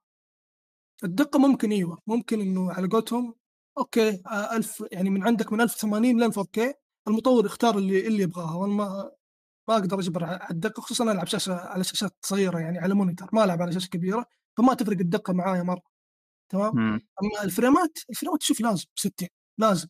شيء شيء شيء الزامي على المطورين كلهم. أي مطور آه بيقدم لعبة 30 frame هو يتحمل النقد اللي بيجيه و يعني أتمنى الدفاع عن المطورين على موضوع 30 frame هذا حتى حتى لو كان مبرر يعني بين قوسين ونظرة إبداعية تمام؟ وهذا موضوع ما ما يعني ما, ما يستسمح فيه صراحة عشان ما يصير ترند يعني وكذا. بالضبط لأنه بكل أمانة الناس لو طبعوا مع ال 30 frame المطورين ما راح ما راح يهتمون صراحة. وأنا وأنا أجزم بهذا الشيء. لو الناس تقبلوا موضوع 60 30 frame وقالوا Starfield 30 frame Gotham 30 frame وعادي ما صار شيء عرفت؟ الناس المطورين نفسهم بيقولون يا عمي سلك لهم ذولي. يعني ما المطورين حاليا أصلا قاعدين يضحكون علينا وإحنا ندفع 70 دولار على ألعاب ما قدمت شيء. فما بالك في موضوع ال frameات. يعني أنت كأنك تعطي المطورين إجازة. تقول له خلاص ريح نفسك نزل اللعبه 30 frame ولا تشيل هم اللاعبين نقلة نوعية كلعبة كإبداع. لا لا تجيب لي لعبة منسوخة ومدري إيش. والفريمات مو شيء أساسي. أنا فاهم نقطتك. لكن أنا قاعد أقول لك إنه لا الفريمات شيء أسا... شيء يعني شيء يعني كذا يعني عرفت يعني؟ الفريمات زي زي المنيو حق اللعب. شيء المفروض يكون موجود. خلاص 60 فريم هذه تكون موجودة. تبى تقدم تجربة آه، يعني على قولتهم تجربة نقلة نوعية وتجربة فريدة هذا شيء بيجي مع الأيام يعني ما ما هو شيء على قولتهم standard okay تمام. فهد أنت ما فهمت نقطتي. أنا قصدي إنه مو الأفكار الإبداعية اللي حتيجي مع الوقت. إحنا لنا أربع سنين في الجيل أو تقريبا ثلاث سنين سنتين ونص. اجت أفكار جديدة؟ Deathloop Returnal يعني هذا هذا. اللي أفكر فيه الحين. بس لو تعطيني وقت أكيد أطلع لك أشياء جديدة. بس أنا قاعد أقول لك إنه okay هذا يعني Deathloop بس إيش أكثر لعبة ابتكرت أفكار خلال فترة هذا الجيل؟ مع إضافة ال Switch طبعا. لا Switch ما يعتبر من هذا الجيل معلش. Switch ما, ما هو في هذا الجيل. بس. زلدا ابتكرت أفكار عن ألعاب جيل جديد بس الصراحة. زلدا نازلة نهاية الجيل.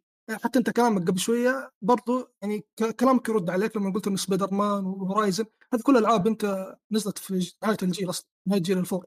بداية جيل ال four كان عندك Killzone المعطوبة. كان عندك Knack مدري اسمها ذيك لعبه اساسن شاطئ كريد يونيتي أساسا كريد هذيك ال- الألعاب على ال- على الصناعة بداية كلها. جيل طبيعي أول سنة طبيعي. طيب. الحين الحين أنا سنتين. برضو سنتين يعتبر شيء ط- يعني مو شيء ليش؟ قليل. مو شيء آه، قليل، شوف مو شيء قليل، بس نفس يا. إخوان أنا بعطيكم ب- بعطيكم رأي بالموضوع أنا أنا أميل أكثر لجانب فهد اللي هو إذا قدم لا لا شوف شوف بس بس بقول شيء بس شيء أخير. إيه. إنه شوف أنت تدفع 70 دولار ليش؟ لأنه عندك بلاي ستيشن 5 هذا هذا المختصر ترى عند الشركات الشركات تنزل ال- ألعابها على ال PC ب 60 دولار تنزلها على البلاي ستيشن 4 ب 60 دولار وحتى وحتى ف- موضوع الترقية كذا يقول بس ترقي يلا أدفع 10 دولارات ب- بالضبط فأنت حرفيا تدفع 10 دولار زيادة عشان أنت عندك ال five تمام؟ فمن أبسط حقوقك أنا عندي ال five اللي يشغل الألعاب بشكل أفضل بأداء أفضل أبسط حقوقي انه 60 frame تكون شيء كذا يجي مع اللعبة هدية. آه، ال credit يعني 60 frame أهم من ال credit نفسه. أنا ما بعرف أسامي اللي يسوي اللعبة. أنا بلعب اللعب 60 frame. أسامي اللي يسوي اللعبة ذولي إذا أعطوني لعب 60 frame وقتها وريني أساميهم.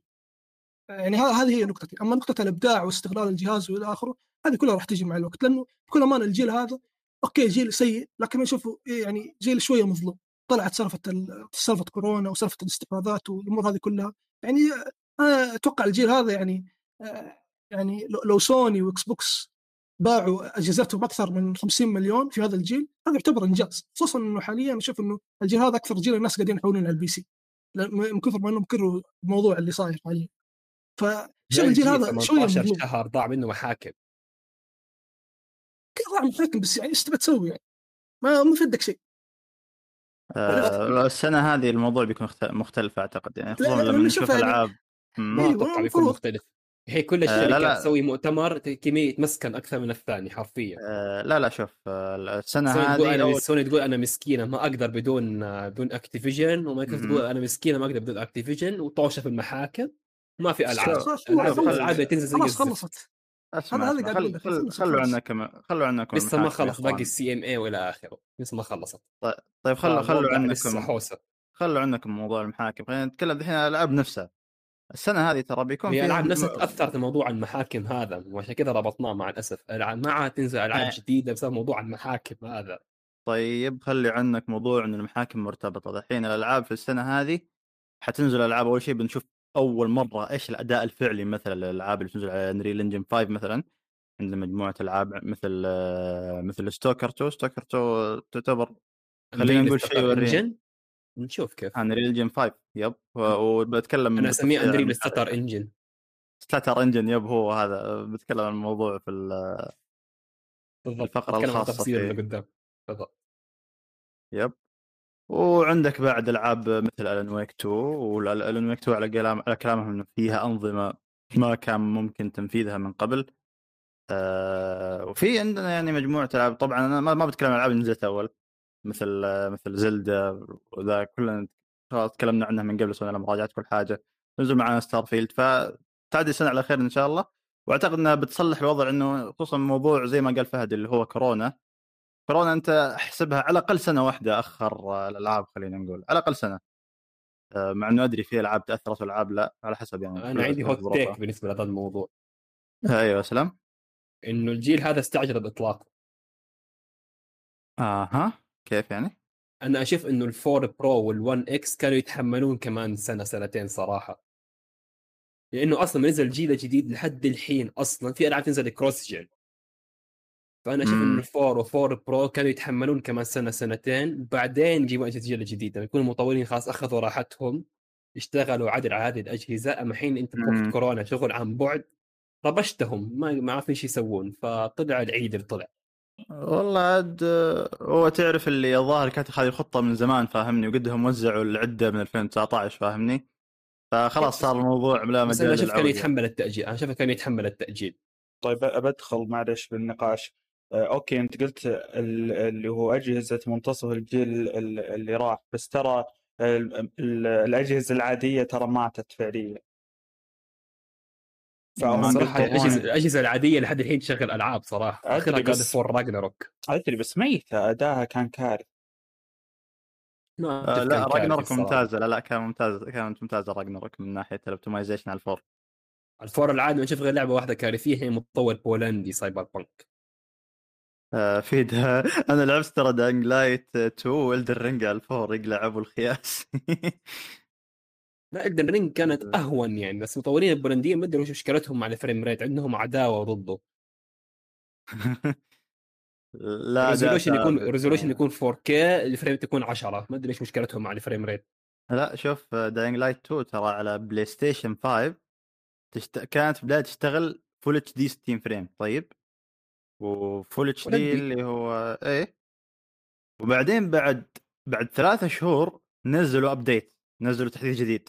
قالوا لك أسمع آه اللعبه صارت 4K صارت dynamic 4K إيش أنا أنا. والله والله أنا يا يا سيف أنا عندي شاشة 55 إنش طيب ابن أمك تضيع لي الجودة أنا أقدر ألاحظ أي أي أي هبوط في الجودة.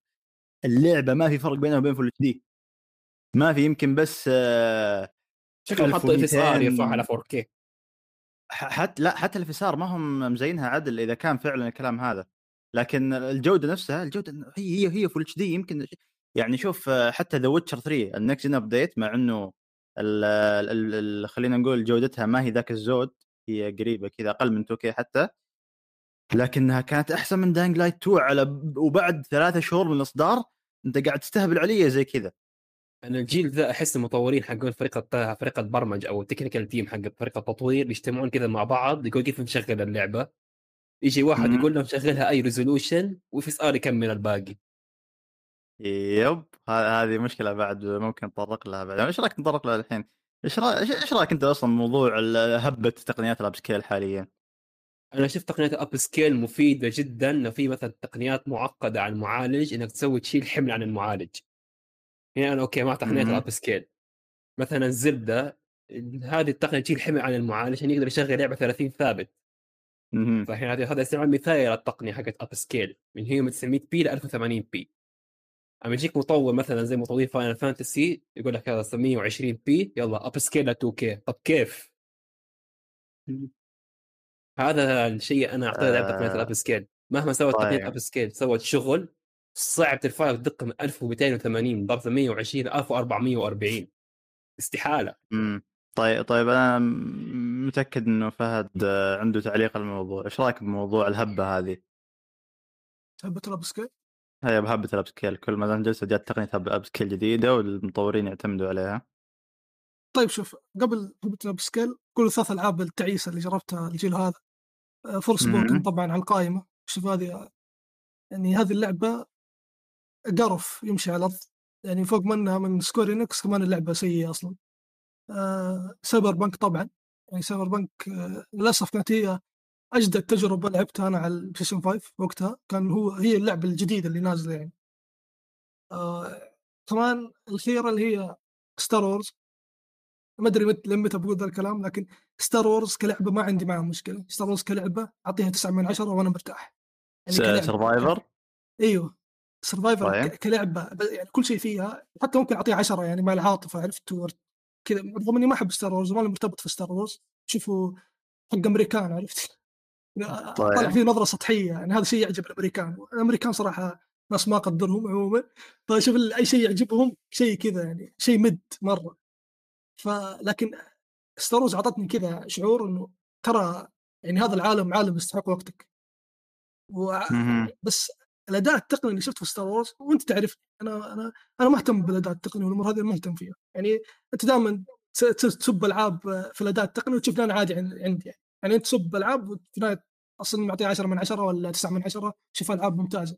أنا شخص ما أهتم بالاداء التقني والأمور هذه إلين إذا جربت تجربة تعيسة جدا. هنا الوضع يقلب 180 درجة. لأنه Star Wars الاداء التقني حقه سيء سيء. يعني شيء شيء لا يحتمل صراحة. شيء آه، يخليك تخجل إنك آه، تسعى شوف آه، سيف قال إن المح- المحرك هذا Unreal يسميه Unreal stutter هو ترى ذا الكلام ينطبق فعليا على Star Wars Survivor وحتى لعبة ثانية كانت نزلت السنة هذه أو عفوا السنة الماضية. اي السنة هذه السنة الماضية السنة الماضية اي كليستو بروتوكول إيه، بعد نفس الكلام تواجه نفس إيه. المشاكل.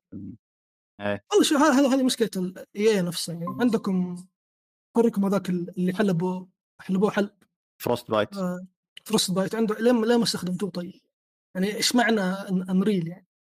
مع إني أتوقع إنه فروست بايت قد تعاملوا معاه الأسبوع ما, ما أتوقع إنه جديد عليهم فليش التعامل هذا مع Unreal Engine اللي فجأة كذا قالوا "أوه، يلا نروح Unreal Engine آه وشوف مختصر مهم. مختصر الكلام على موضوع ال upscale شوف شيء شيء مفيد آه يعني على قولتهم شوية يحد من آه يعني كسل المطورين لكن للأسف رغم كذا المطورين كسلانين إنهم يستعملون أصلا وقاعدين يستعملون نسخ قديمة منه. يعني شيء. شيء قاعد يحسن سمعتك تستخدم نسخة قديمة منه ومرات أصلا ما, ما تشوف مطورين يستخدمونه. يعني كنا دائما نسمع كلام إنه ترى ال five ما فيه VRR ما أدري إيش. طبعا يكون سوني نزلت ال VRR ال five وصار موجود. وتقدر تستخدمه أنت كمطور. يعني على فكرة ترى ال VRR كان موجود للمطورين فقط. زي سالفة ال 2K ال five معطته للمطورين بس اللاعبين ما يختارون الحين صار عادي اللاعب يختار يشغل VRR أو إنه يشغل ال 2K يعني هذا الناس اللي ما هم فاهمين يحسبون إنه ال 2K وال VRR ما هم موجودين أصلا يعني يحسبون ال five ما يشغلهم أصلا.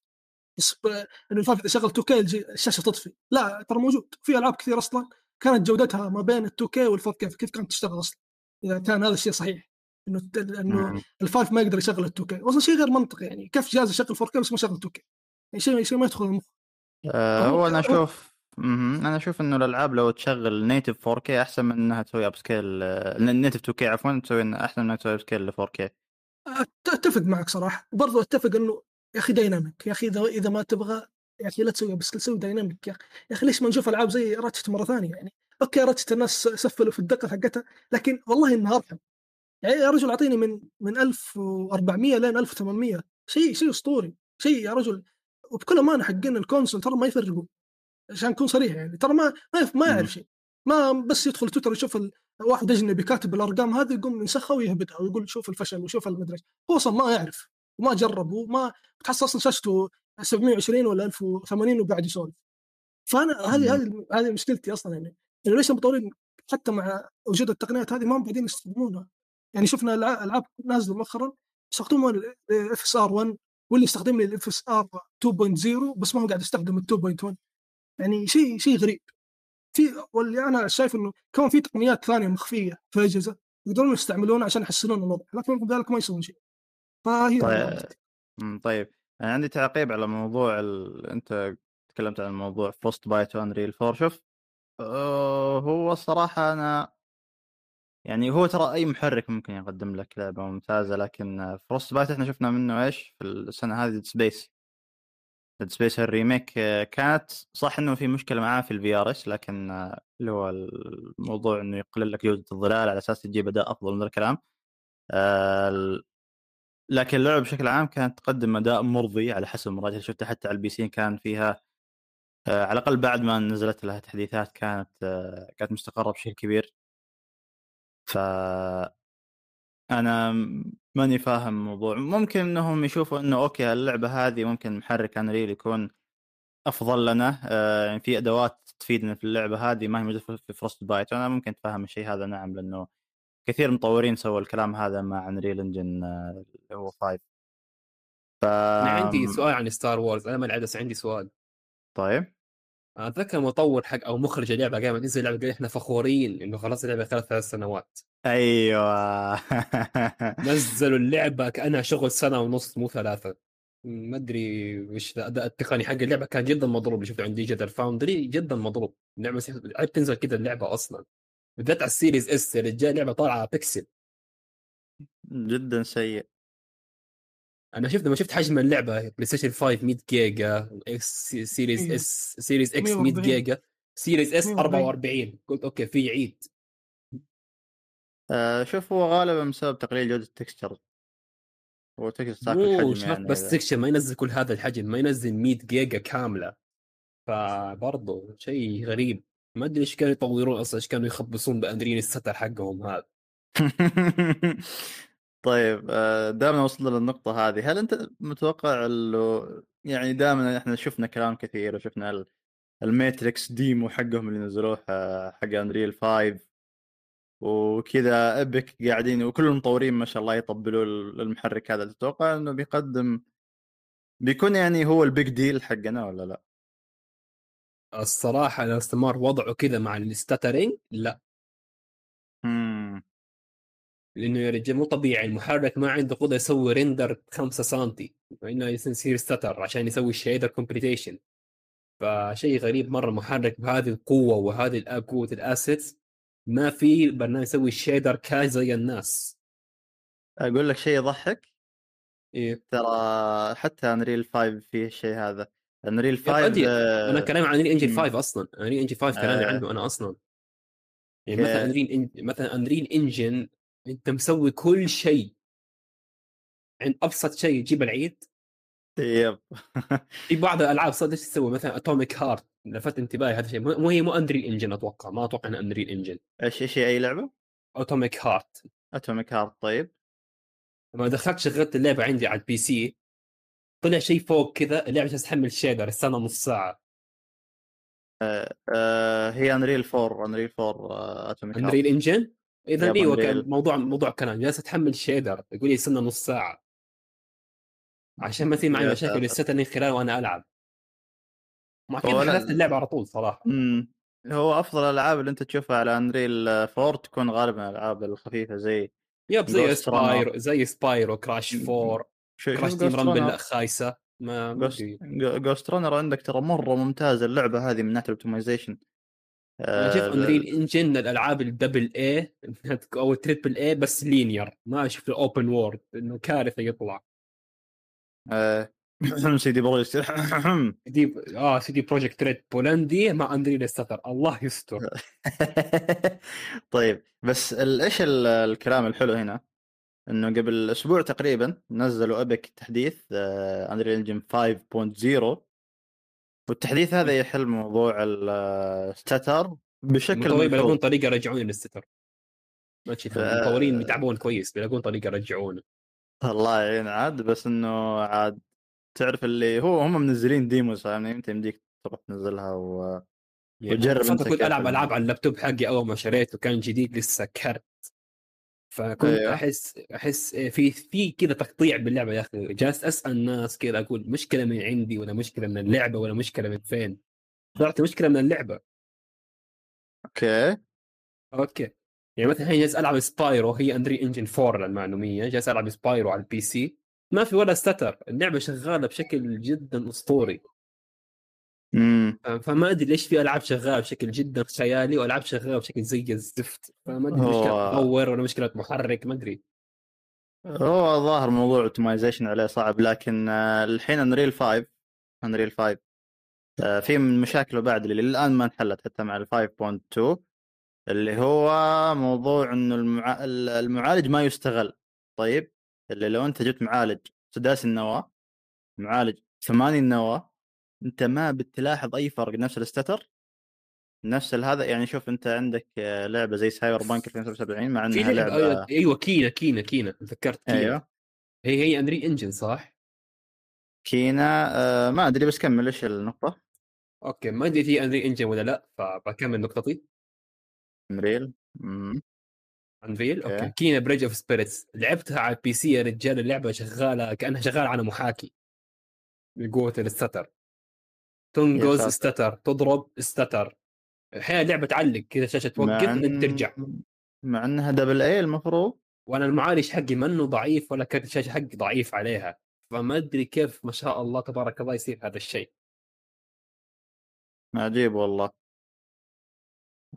يعني ضرب جيت أضرب boss. اللعبة حلوة يعني لعبته منها بس ما قدرت اكملها من قوه ال stutter فمشيت أضرب boss كذا علقت اللعبة على animation الضرب.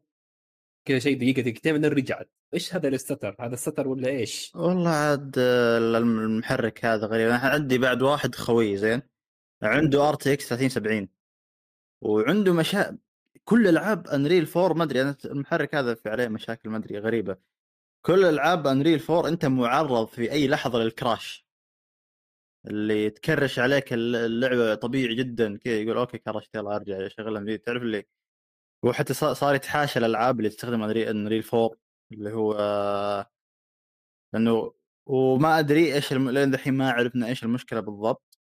اللي ألعاب Unreal 4 كل الألعاب الحين تشتغل عدل حتى Elden Ring اللي هي لعبة كذا مفقعة أصلا آه، أو خلينا نقول على الأقل ال optimization حقها ما ذاك الزود.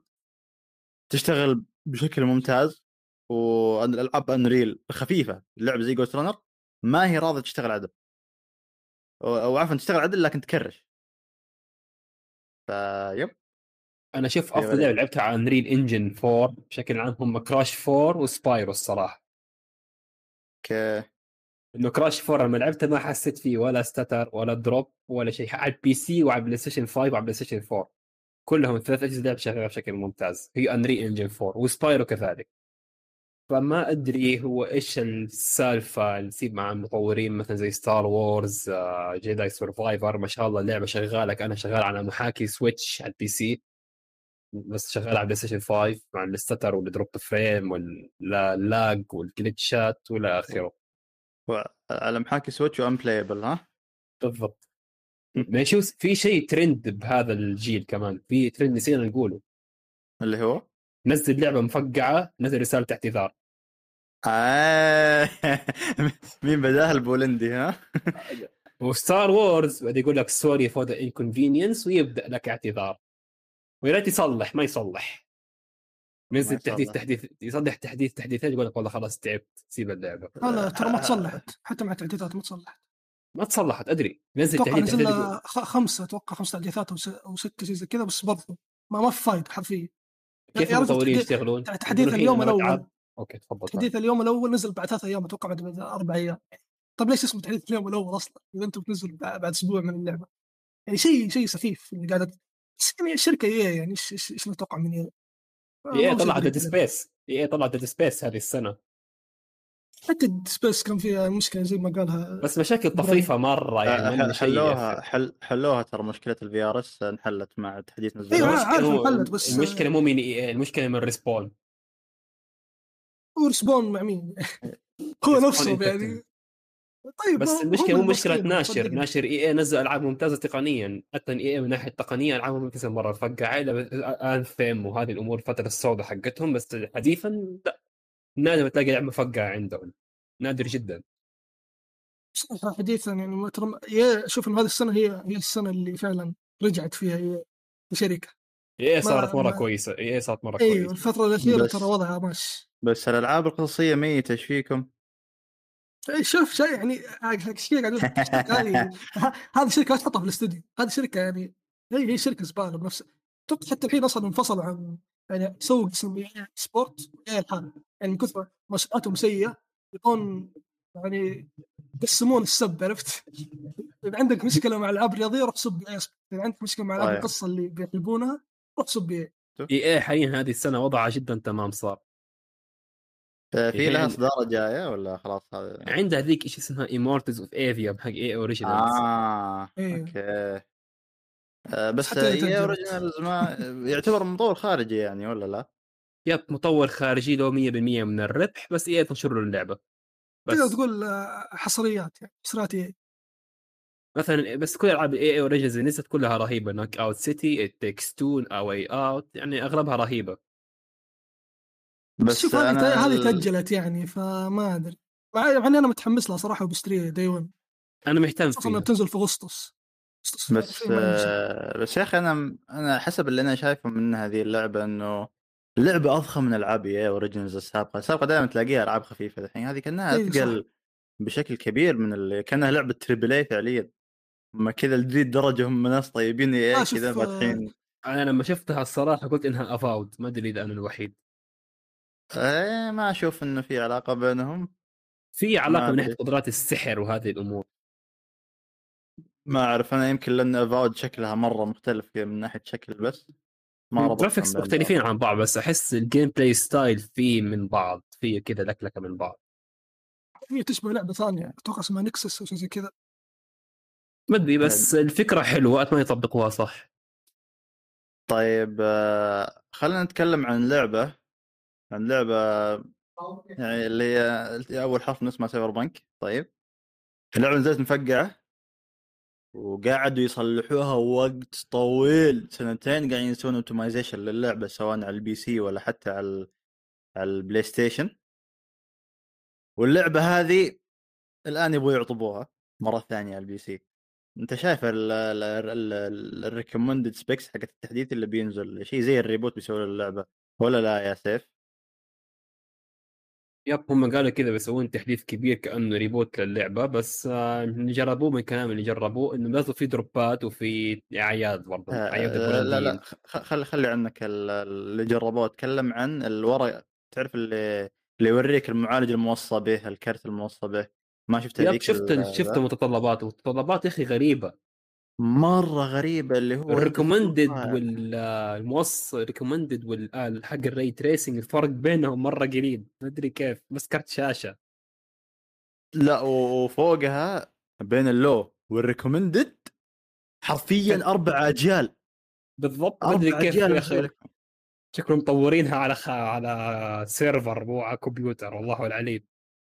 والله ما اعرف بس هو شيء غريب يعني. ترى ترى أنا كنت آه، كنت مبسوط يعني من اللعبة كيف يعني CD Projekt قاعدين يحسنوها يعني هم قاعدين يحسنوها عشان يمهدوا للعطبة هذه اللي قاعدة بتصير بعد شوي أنا ماني فاهم يعني إيش السياسة اللي هم يتبعوا الشيء هذا إيش الشيء اللي أنت بتسويه اللي بيعطب ال- اللعبة بهذا الشكل اللي يخليها 7800 X recommended ما 7800 X ولا لا؟ المعالجات المعالج المطلوب مرة عالي والكرت الشاشة المطلوب مرة ما يتناسق مع المعالج.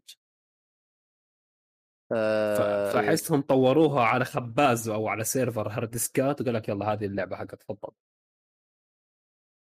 آه، طوروها بغسالة. امم عشان أتأكد. شوف سابقا آه كانوا حاطين ال recommended ال GPU GTX 1060 طيب اللي هو كرت 6 جيجا بايت VRAM وكرت يعني وقتها كان يعتبر شيء جيد طيب آه بس هذه اللعبة الأصلية. والمعالج i 7 آه 4790 و Ryzen آه 3 3200 G. هذا من ناحيه recommended في ال- في المعالج. الآن إيش الشيء اللي بيخليك تحول على Ryzen 5 7800 X. و i 7 12700 وفي ال... وفي ال ultra وفي ال ultra على 4 K حاط لي إياها. ما ماني فاهم أصلا ليش على 4 K أنا أحتاج معالج افضل أنا ماني فاهم صراحة ال- المعادلة. يعني شوف حتى مين مين عطبوها بعد اي ام دي اي ام دي الحين إحنا نعرف انهم ماسكين ماسكين خلينا نقول ال sponsorship حقت Starfield آه. أي شفت المواصفات يا أخي؟ المعالج خرافي إيه. المطلوب ولا يتهيأ لي أيوه مرة خلاص بس هم إيش الفكرة؟ إنه في Steam انت تدخل على 7 ستيم صفحة اللعبة. اي اي إيوه.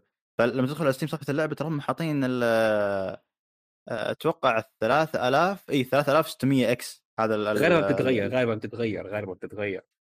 آه، لا شوف أنا أقول لك الفكرة دحين طيب. تتحدث حاطين تتحدث. 3000 إيه أنا حاطين بس ترى مؤخرا حاطين بس آه، هم حاطين 3600 X. جو AMD نزلوا رسالة أنت ما تعرف فيها أصلا إيش الاداء اللي بتجيبه.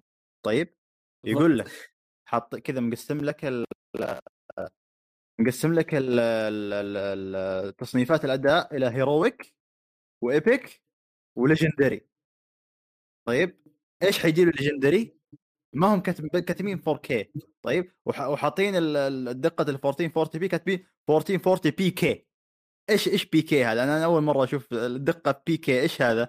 شكله المصمم. كتب 2K بعدين حذف كتب 1440 p نسي يشيل ال K مع ال2 فغالبا صار معاه كذا ذي الدرجة الإهمال يعني في الرسالة هذه أنا ماني فاهم واللعبه تدعم FSR 2.0 مو 2.1 إيه. ها شوف حاط لك هو واضح إنه الصورة هذه ترى تسويق تسويق ل... لمنتجات AMD طيب وتبرير لموضوع ال 30 frame برضو من ناحية ثانية عشان يقول لك شوف. المعالج المطلوب حق اللعبة قديش قوي فأنت تسلك. والله والله ماني متأكد لكن أنت تلاحظ هم كاتبين آه، max visual settings على 1440 p طيب. تحتاج معالج أيوه وتحتاج تحتاج معالج أقوى و motherboard أحسن. ليش أحتاج motherboard أحسن؟ عشان أشغل جودة أعلى. أنا فهمني دحين سيف أنا قا- عشان هذا المذر بورد شكله ياخذ قوة أكبر من المعالج. يعتبر نفسك مص- أي مصور. أنا دارس تسويق فحقول لك هذه حركة تسويقيه من الآخر أريحك. أي كلام. لا حتى بعد في ال في ال recommended حاطين معالج أو عفوا motherboard هو معالج overkill لكن حتى ال motherboard overkill حاطين X 670 مين بيشت... مين بيجيب لك؟ لا حاطين لك المعالج 7800 X 3D يب 3D. فانا أنا اللي اللي 3 أقول دي ما يستخدموه أي. غير ال modeler حتى ال modeler ما يستخدموه. ما أدري إيش ذا. أنا أنا أعتقد الموضوع آه، مجرد تسويق لمنتجات AMD بس كذا قال أنا متفهم إنه ستار فيلد حتتطلب معالج جدا قوي متفهم بس مو لهذه الدرجة هذه مو لعبة مفاعل نووي على صار الأقل على الأقل شوف أقلها يكون نفس نفس اللي في صفحة ستيم اللي هو إيش المعالج ال equivalent ل الاكس بوكس سيريز إكس والبلاي ستيشن 5 اللي هو 3600 X ولا لا؟ فالمفروض هذا يكون على الأقل يمديه يشغل اللعب بدون مشاكل. بس إيش المشكلة بهذه اللعبة؟ ما نعرف مواصفات نيفيديا ابدا. مواصفات نفيديا أم... ما نعرفها ما نعرفها صعب نعرفها. ال- إلا كاتبين هم في ستار فيلد إلا كاتبين يبغوك يا تجيب RTX 2080 هو اللي أيوة، يجيبوا لك على ال minimum آه، ال minimum 1070 Ti هذا ال minimum. يا. يا ساتر. 1070 Ti بس آه، إن شاء الله عاد يكون port ال- اللعبه سي مو جي بي يو اللعبه مو جي بي يو لعبة سي بي يو أكثر شيء. هو يب يعني جرافيكس ما إيه. هو ذاك الزود اللعبة لكن حتفجر السي بي يو تفجير آخر سنته. يقول لك فيها كلها اس اس دي ريكوايرد ف يب هذه أول لعبة اس اس دي ريكواير تكون. مم. إيه في في لا ملاحظة ما أدري إذا أنتم لاحظتوها. سايبر بانك الورق اس دي ريكوايرد ريكومندد ال- ال- السايبر بانك قالوا recommended SSD. recommended وفي بالحق القسم الثاني مو القسم الأساسي حق ال ray tracing والشلة هذه حق فانتوم ليبرتي كاتبين. ان في ام اي ريكومندد أوكي ان في ام اي أيوه أيوه حاطينه يب هو ذا اللي شيء جديد ال- جابوا لك على أساس كنا ما نستخدم NVMe M dot 2 يعني. في اس اس دي عادي الحين أصلا يكتب لك SSD يكتب M dot 2 خلص طيب شوف آه، في بعد موضوع مثير للاهتمام حاليا طالع بخصوص راتشت اند كلانك ريفت ابارت اللعبة دي صار عليه دراما كان على وقت الإطلاق إنه اللعبة هذه تستغل ال SSD حق الجهاز وال... الناس فهمت. غلط لوحة المواصفات اللي نزلت. الناس فهمتها مرة غلط. آه، خل- خلينا نتكلم الحين قبل ما نتكلم عن لوحة المواصفات نتكلم عن آه، وقت الإطلاق. وقت الإطلاق آه، صارت في دراما إن ال SSD والسوالف هذه وجاء مطور بعد جاء واحد من المطورين ناسي من كان. قال ترى ترى اللعبة يمديها تشتغل على البلاي ستيشن 4 وسوالف. جاء واحد من مطورين انسومنيك في تغريدة كتب إنه يمديها تشتغل على ال four لكن آه، بيسوون tweaks خلينا نقول. إنه آه، يعني ما ما تكون شيء مباشر زي إنك تنتقل بالأبعاد زي اللي في ال SSD حق البلاي ستيشن 5 الآن جات ال recommended أو عفوا ال recommended وال minimum والسوالف هذه وصراحة أنا تحية مرة كبيرة لنيكسيز الاستوديو هذا اللي اللي يسوي port فعليا أحسن من ال... من من حصريات ال PC. العاب كذا حصرية PC ما كذا نيكسيز يسوي port أفضل منهم. اللعبة هذه تستغل لك ال... ال... ال... الأجهزة ال high end بشكل كبير من ناحية أضافوا ال ray tracing للظلال وال ambient occlusion أضافوا ر- آه... شو اسمه ذا آه، في في في ال minimum قالوا أنت تبغى تشغل HDD يلا شغل HDD. 720 30 يمديك تحتاج الكرت الفلاني من جيل ال 900 GTX 900 فتعرف اللي يراعي القديم و وبنفس الوقت يستغل قوة الجديد اللي هو ترى هذا الشيء نادر مرة. إحنا يا يقول لك كذا هذا يقول لك هذا الحد. يعني زي الدرينج مثلا يقول لك تحط 1060 اللي هو أو عفوا 1070 ال- ال- ال- ال minimum أو 1060 ناسي وال recommended 1080 أو 1070 اللي هو تعرف اللي ما هم بعيد عن بعض. أما هذا لا يسوي لك optimization على على لكل الفئات من اللاعبين خلينا نقول اللي هو شيء أنا أحييهم عليه. لكن الآن رجعت قامت دراما ال HDD وال SSD وفوقها بعد الناس قاعدين يدخلوا موضوع ال DirectStorage بالسالفة. أنت تتوقع يا سيف إنه ال DirectStorage بيقدر يشغل راتشت كلانك بدون أي مشاكل على hard disk ميكانيكي؟ شوف عشان عشان تشتغل على هارد ديسك ميكانيكي لازم جودة ال texture حق العالم حتنتقله تكون مرة قليلة حتى شبه ممسوحة مسح. امم إنه مستحيل مثلا HDD يشغل لك آه، انتقال سريع 4K يقول لي يا DirectStorage مستحيل تقنيا هذا الشيء مبدئيا. مم. فهم الموضوع ال HDD حطوها بال low حتى ال very low إنك تشغلها 720 p 30 frame عشان يقدر هذا يحمل ممكن يصير loading أطول كمان. أما تبغى تجربة الآن- زي ال five روح على ال recommended على طول. لا ال- ال five يبغالك تروح عند ال- الهاي. هي الهاي آخر شيء آخر شيء ما ما أذكر كم لا لا قبل الأخير. قبل الأخير. كان ال high ال high آه، يطلب لك كرت 30 60 الظاهر ويقول لك آه، 2K و60 frame ويمديك عاد إذا تبغى تشغل DLSS يمديك توصل أعلى من كذا. لكن يقول لك هذا الت- التجربة على حسب كلامهم على حسب وصفهم هم بعد ترى شيء مرة ممتاز إنه ما هو زي ستار فيلد مثلا يقول لك هذا recommended هذا منو هذا هذا ال ultra لا هذا يقول لك ترى أنت كذا بتجيب الدقة الفلانية وال frame ات الفلانية. أنت كذا بتجيب يعني أنت تفهم بس من قبل قبل ما تشوف اختبارات ولا شيء إنه أنت بتجيب هذا الشيء.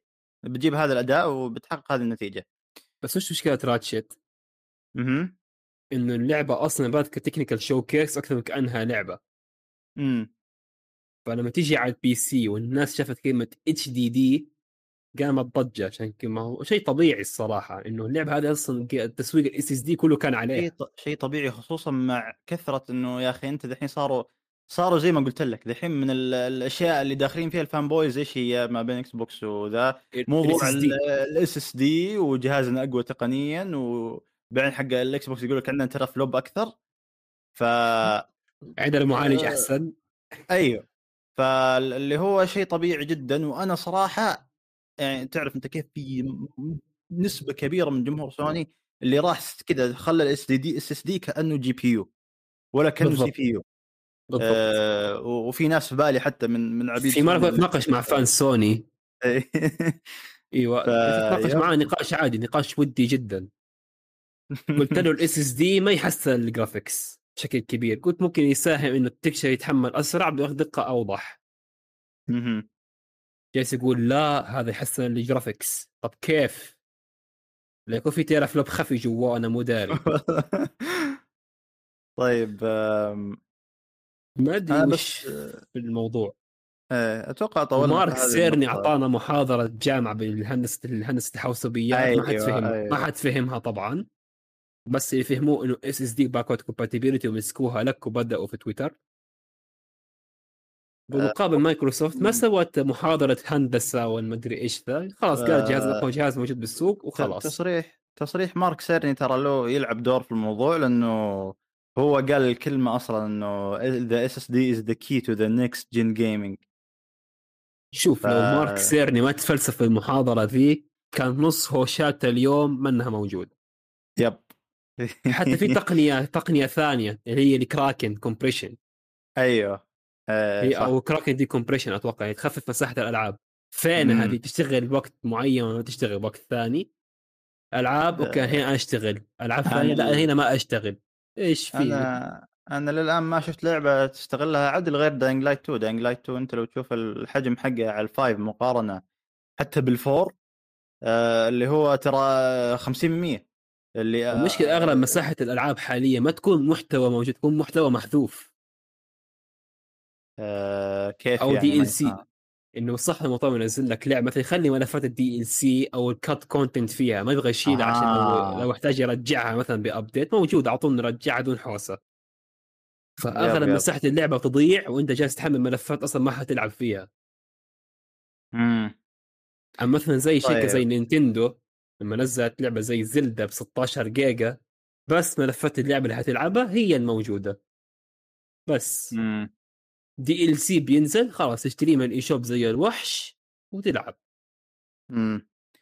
طيب آه، بسألك يا فهد أنت إيش إيش أحسن الألعاب اللي تشوفها استغل ال hardware الجديد بشكل آه، بشكل ممتاز سواء كانت ألعاب cross gen ولا حتى ألعاب حصرية على الجيل الجديد؟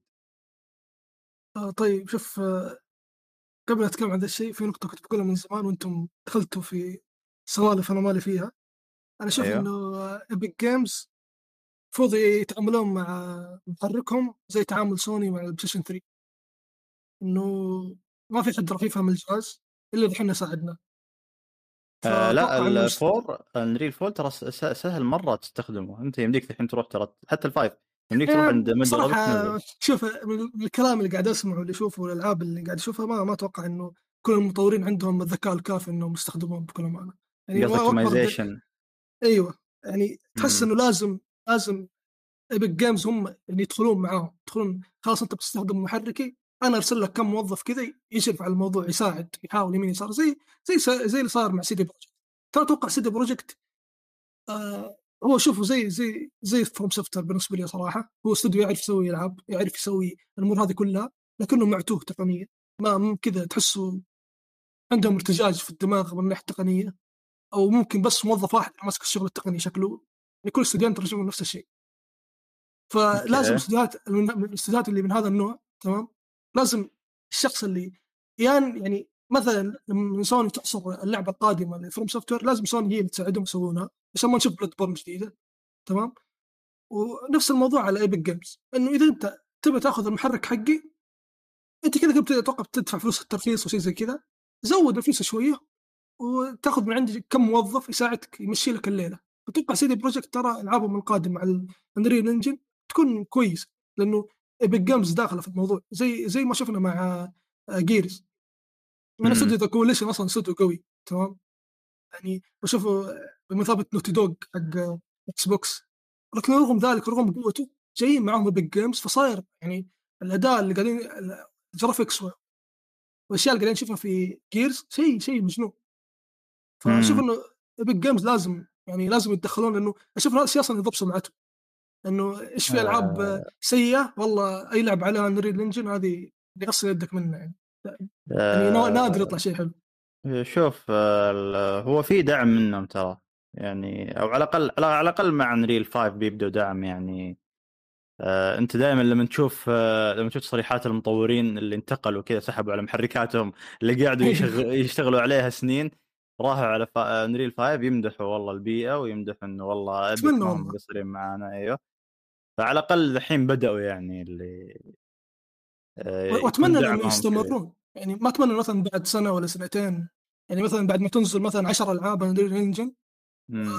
الناس يشترون ال...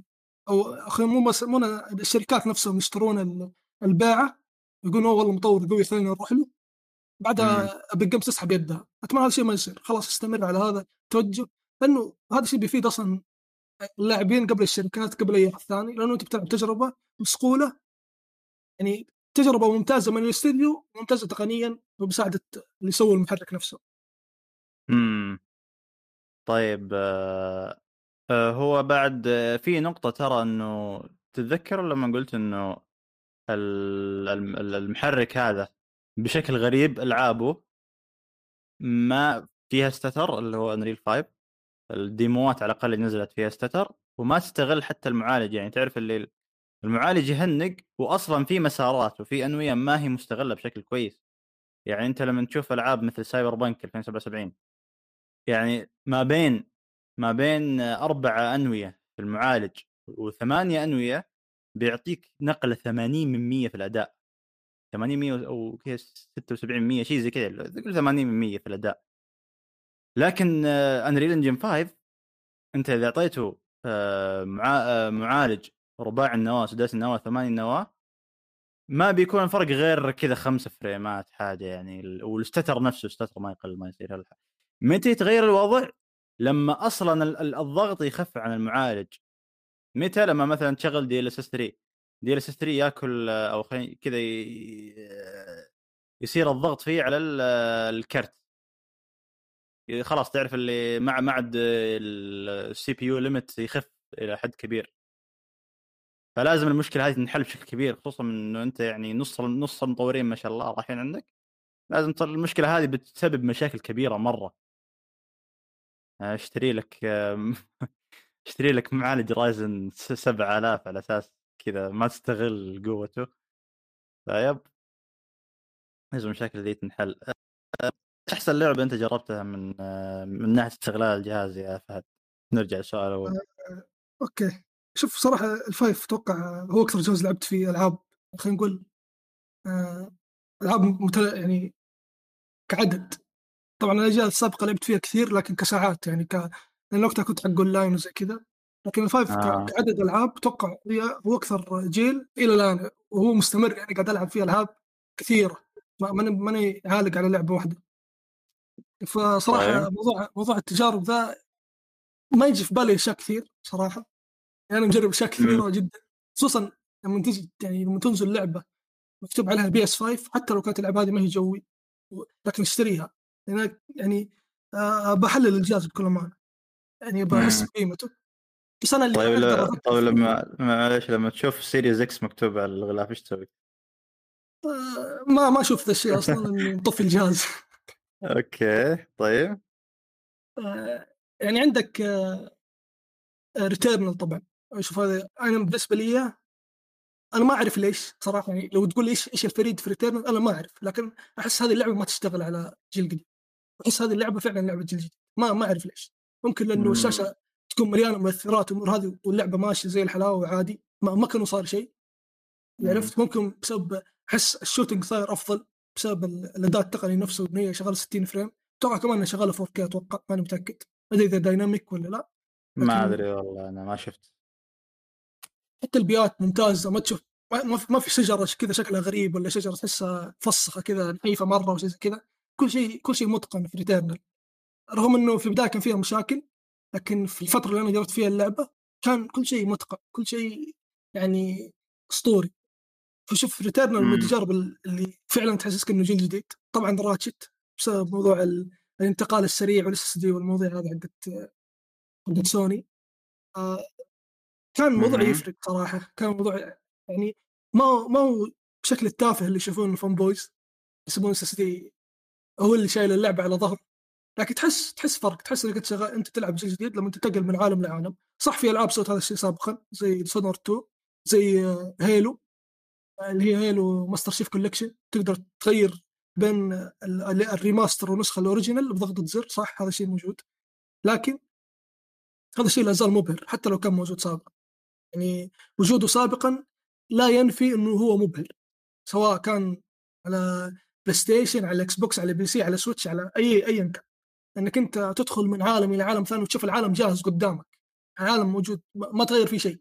ما ما في آه، pop up ما في آه، فجأة كذا جدار يطلع قدامك. والله اللعبة ما قدرت تحمله هذا الشيء كله ما هي موجوده تدخل من عالم إلى عالم الموضوع يعني سهلات. حتى في لحظات في راتشت يعني أنت. قاعد تتضارب في عالمين. ها- إذا أنا أذكر صح يعني أنت قاعد تتضارب مع الناس في عالمين.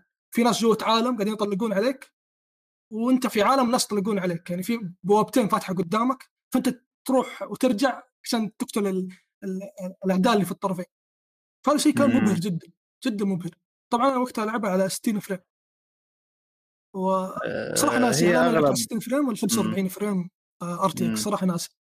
هي أغلب يعني أغلب الأوضاع أغلب الأوضاع أصلا تشتغل 60 frame سواء كانت آه، فريمات جودة لا بس هذه هذه جت بعدين. أنا أنا لعبتها day 1 لا لعبتها day 1 ما, ما لعبتها يا أخي أنا أنا لعبتها هذا هذا اللي. قرني في Insomniac ترى. نعم. انه إنه يدلعون اللي يجون بعدين. يعني الاشخاص اللي زي يلعبها day 1 يلعب زي Spider-Man Morales زي Ratchet خلاص يعني راحت علي عرفت؟ اللعبة جبت فيها بلاتيني طفشت منها. برجع لها عشان فريمات صراحة. على كذا إيش تقول. على على كذا إيش تقول على حقين ال PC اللي بيلعبوها دحين؟ صراحة هذول أتوقع يعني ياخذون أفضل تجربة. يعني أفضل من تجربة ال five بمراحل. يعني مم. ونفس الشيء صار مع Returnal أظن. يعني Returnal أظن أفضل تجربة لها على ال PC مو على مو على ال five. خصوصا إنه اظنها من نفس اللي مسوين ال port. امم هو شوف صراحة صراحة صح إني إعطيت Ratchet آه، مؤقتا drop عشان Deathloop لكن آه، اللعبة ترى أنا لما شغلتها ترى حاسس إني في PC. من كثر التخصيص اللي أنا أقدر أسويه في ال- صح. في اللعبة أنا أقدر أشغل ال ray tracing أقدر أحط وضع ال VRR أقدر أحط 120 هرتز أقدر أغير في الإعدادات أنا والله أبغى كذا بس ال- ال- اللي هو خيارات التخصيص بسم الله الرحمن الرحيم. أنا وين قاعد؟ فصراحه اللعبة ذي optimization عليها زين. واصلا زي ما قلنا إن هي لعبة استعراضيه فلازم أصلا يكون في optimization ممتاز بس هل لهالدرجه الدرجة هذه شيء شيء آه، أهني Insomniac عليه صراحة وأتمنى أشوف okay أنا ما أتوقع ما ما بشوف شيء من سبايدر مان 2 لأنها لعبة أثقل من آه، من Ratchet على الجهاز لكن أنا أتمنى أشوف شيء يعني آه، على الأقل يوازي يوازي ال- اللي هي Spider-Man ال remaster من ناحية يعني أتوقع يعني سبايدر مان أتوقع أقل شيء بتشغل 60 frame يعني توقع شخصي. يعني غالبا أتوقع بنشوفها زي Ragnarok يعني 2K 90 حدودها. عرفت؟ يعني أتوقع 60 frame هو اللي بيكون آه، اسوء شيء. حتى مع ال ray tracing ممكن يعطونك 45 frame.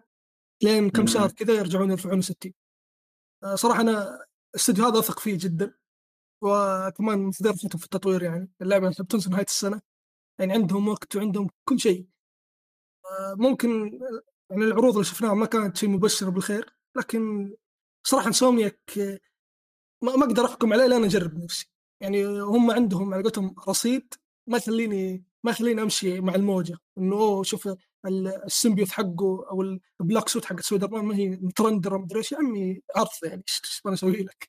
يعني حتى عرض ما في له تاريخ إصدار إيش يعني إيش متوقع؟ ما راح ما راح اعطيك. قديم أنا أنا ليش قلت أبغاها تكون مثل Spider-Man remaster لأنه أنا ماني شايف منها شيء يخليها مرة ثقيل يعني اللي أنا شفته من ال trailer اللي نزل اللي هو شيء نفس سبايدر مان آه، الأولى من ناحية الضغط على على الجهاز. فأتمنى عاد إنه يكون يعني شوف من الألعاب حتى اللي كان ممكن تجي على ال- أنا ما أقول إنه سبايدر مان 2 ممكن تجي على ال four لكن أتكلم عن Deathloop الآن. Deathloop ترى بشكل كبير ممكن إذا سويت tweaks معينة إنك تشغلها على ال four. بس أنا أنا مع قرار إنهم يحصروها على ال five. ليش؟ على أساس خلاص إنه ركز على ال five أنت. أنت خلاص ال- ال four أعتبره شيء من الماضي. سوي شوف- نسخة ال five اشتغل عليها عدل وأعطيني المنتج زي ما هو بأحسن شكل ممكن. آه، Deathloop برضه من التجارب حقت الجيل الجديد اللي تشوفها فعلا جيل جديد. والسبب هو جوليانا. كيف آه، يعني؟ لو نزلت اللعبه على ال four الجولي... هذا كلام سمعته منهم أتوقع منهم هم ومن أحد ال- التقنيين قال اللعبة تقدر تشتغل على الجيل الجديد Deathloop عادي ما ما ما راح ما راح يكون شيء القديم لكن طيب. جو- جوليانا حتكون scripted القديم قصدك القديم أنت صح؟ قديمة إيش؟ أنت تقول يعني يمكن ممكن تشتغل على ال four قصدك ولا كيف يعني؟ أيوه أيوه مم، Deathloop تقدر طيب تشتغل على ال four وال Xbox 1 عادي أنت قلت لكن- جي... أنت قلت جيل جديد أيوه سلام ألخبط بينهم طيب. الحين صرت أسمي الجيل هذا يعني صرت أقول الجيل الحالي الجيل الجديد هذه ما ما تستخدم. فصار شوي. يعني. آه، ف يعني أسلوب تقدر تشتغل على ال four وال وال One عادي ما في مشكلة. لكن حسب الكلام اللي طالع إنه ترى جوليانا بتكون scripted ما ما راح تكون عشوائيه يعني. آه، هذا الشيء شوفوا على قولتهم game changer يعني. هذا الشيء بيخلي اللعبة ينزل مستواها. لأنه إذا أنت يعني أنت أصلا عبارة في loop إذا أنت تعرف جوليانا متى متى تطلع لك الموضوع صار scripted ما ما عاد فيه أنا أنا ماني فاهم يعني ما أقدر أسوي NPC يكون آه، لا كويس. لا الحين جوليانا تطلع لك فجأة كذا. من لا مكان تطلع لك جوليانا؟ أيوه. هي تطلع من لا مكان لأنه موضوع random عرفت؟ موضوع random من اللعبه بطلع لك جوليانا وأنت في أول مرة سبنت وبطلع لك جوليانا قبل ما تقتل الشخصية اللي جاي تنهي المهمة عليها. فهمت؟ أيوه الفيجنري الموضوع صاير random عادي. إنه يعني في جوليانا تطلع لك في مثلا تطلع لك فوق السطح بس لما تسوي loop جديدة تحصل جوليانا تمشي تتمشى مع ال NPC كله. صاير random شوف الحقيقة أنا جوليانا قد اختبرتها في يوم كنت أختم اللعبة وقد ذكرت هذا الشيء في تحت المجر للعبة. أه، كانت في أوقات أموت. أكثر من مرة تطلع لي بنفس المكان. فعليا سكريبتد كثير ما أدري. كانت في أحد المهام اللي اللي كنت أسويها في مرحلة معينة فعليا تطلع لي نفس المكان. ونفس اللحظة فعليا بعد ما أخلص شيء تطلع لي. فكانت scripted فعليا. وهذا الشيء أنا يعني شفته بعيني وثلاث مرات أو أو مرتين. okay. هو في النهاية أصلا أنا ترى لعبت اللعبة وكان كل الجوليانات اللي يجوني هم أصلا ناس online yep هذا هو. آه، شوف. لما تقفل أونلاين بتلاحظ إن ما- العشوائية ذي أتوقع إنها تنعطل. لأن أنا أغلب وقتي كنت يوم كنت أختمها كنت أختمها مو بأونلاين كنت أختمها offline أنا صراحة آه. كنت أستمتع مع موضوع الاونلاين هذا لما أنا لا يعزوني إي أنا ليه أنا ليه ألغيت الأونلاين؟ لأن فعليا أنا قاعد ألعب control في ال PC.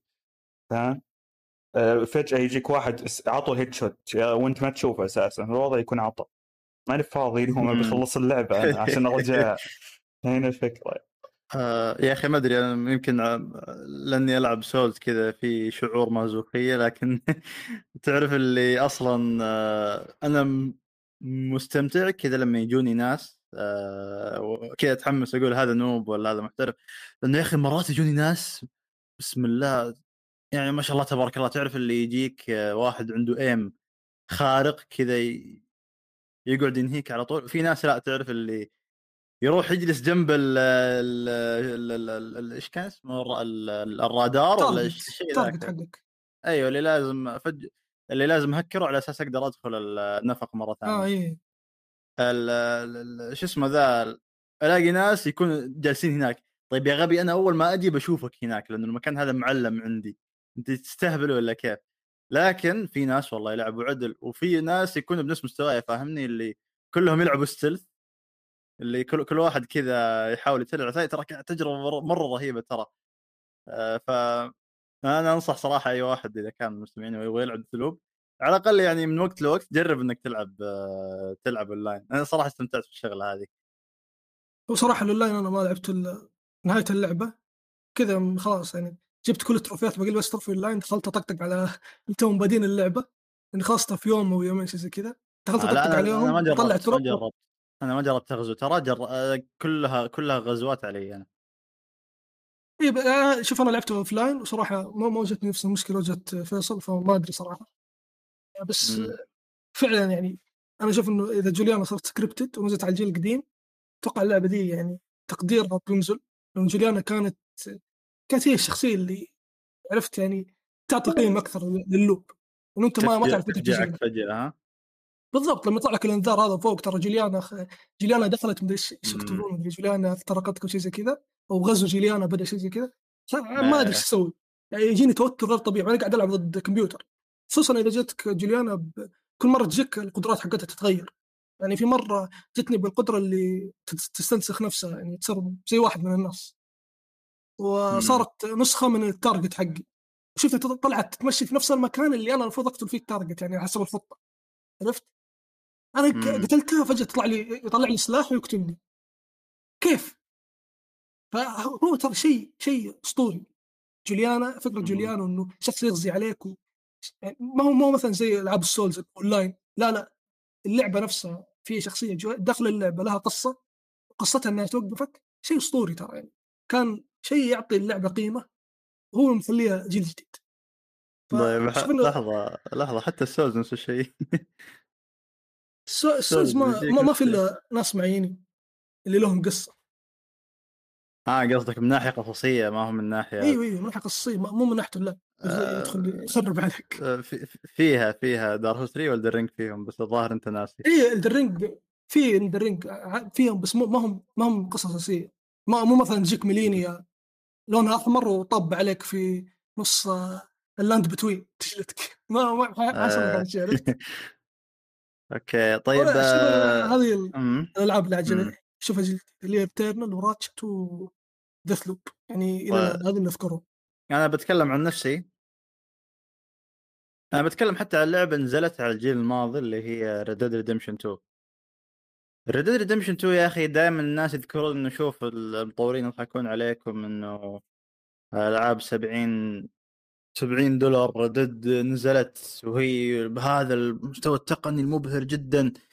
60 frame على ال PlayStation 4 وأنا ممكن أوافق وأختلف في النقطة هذه. أوافق ليش؟ لأنه هو في النهاية موضوع فلوس. موضوع ال 70 دولار هذا ما بس بي يبغوا يسحبوا من جيبك ما هو عشان والله يقدموا لك تجربة أفضل لا هم بس يبغوا يسحبوا من جيبك.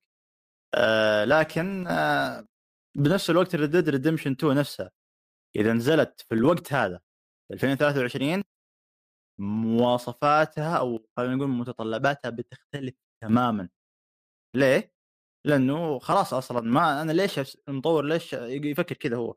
ليش أتعب نفسي ويسوي optimization على عتاد قديم؟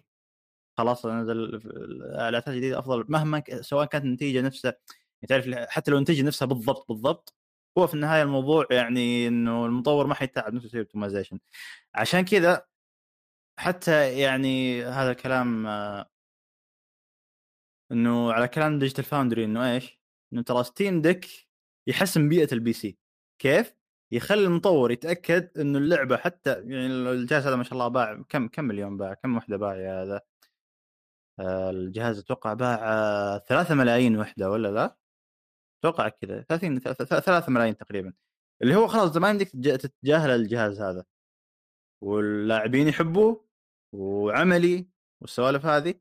فالمطور مهما كانت اللعبه يتأكد إنه يشتغل Steam Deck وهذا شيء يضمن أداء مستقر على ال PC. فاللي هو okay أنا إيش إيش رأيك بالكلام هذا؟ تتفق معاه يعني اللي هو Steam Deck بيضمن ال... بيضمن الشيء هذا؟ أشوف إنه ال Steam Deck نعمة الصراحة إنه ممكن مطور مطور لعبة على ال PC يجربها على Steam Deck لو كان عنده الجهاز يشوفها شغالة كويس مو شغالة كويس. لو شغلت كويس على Steam Deck طبيعتها حتشتغل كويس على PC ات medium range يعني فاشوف إنه شيء كويس وجود ال Steam Deck الصراحة. مم. فوق ما إنه أصلا جهاز عملي جدا على كلام يعني الناس اللي جربوا استثناء البطارية حسب كان شفت استثناء البطارية جهاز جدا عملي. حتى حتى موضوع البطارية يا أخي موضوع البطارية اللي أنت حتى يعني ما ما هو كل الناس ودها تجيب معاها خلينا نقول جهازها معاها في ال... يعني حتى مو كل الناس عندهم لابتوب حتى يجيبوه. فيشتري لك Steam Deck جهاز خاص للألعاب رخيص. ويقدم لي أداء جيد وممكن يلعب فيه. زي مبارك مبارك الحين يلعب عليه الالعاب القديمة. مثلا الحين قاعد العب Metro Metro Last Light Redux قاعد العب على الجهاز على أساس إنه أنا ف... أنا أقعد قدام وقت طويل. والجهاز يقدم أداء جيد. وهذا يفتح مجال لموضوع ثاني. أنا ليش تكلمت عن Steam Deck عشان موضوع ثاني؟ اللي هو موضوع الجهاز القادم من Nintendo.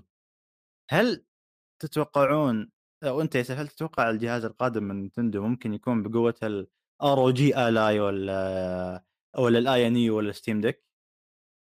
والصراحه أنا اتسرب قوة جهاز Nintendo الجاي عن طريق اللي صار على ال FTC إنه حيكون قوة ال PlayStation 4 وال Xbox 1 أها هو ممكن الكلام ده يتغير ترى حتى لو يعني, يعني 1.2 teraflop ل 1.3 teraflop مع معالج جوالات أجدد شوي وينزل لك Switch 2 آخ يا أخي ماني ماني فاهم أنا صراحة. طب هل الشيء هذا تشوفه جيد ولا لا؟ شوف أنا ال Switch أعتبره جهاز جانبي الصراحة إن ألعب عليه ألعاب Nintendo بس. فما يهمني الصراحة ما أهتم آخر همي. امم طيب أنا okay كان كان في شيء ودك تقوله؟ أه، لا صراحة. دام الجهاز الجديد حق Nintendo حيقدم لي حصريات نفس مستوى حصريات ال Switch أنا راضي. اللي هو gameplay وكذا ها طيب. بالضبط. آه أنا صراحة أنا واحد ترى أتكلم عن نفسي.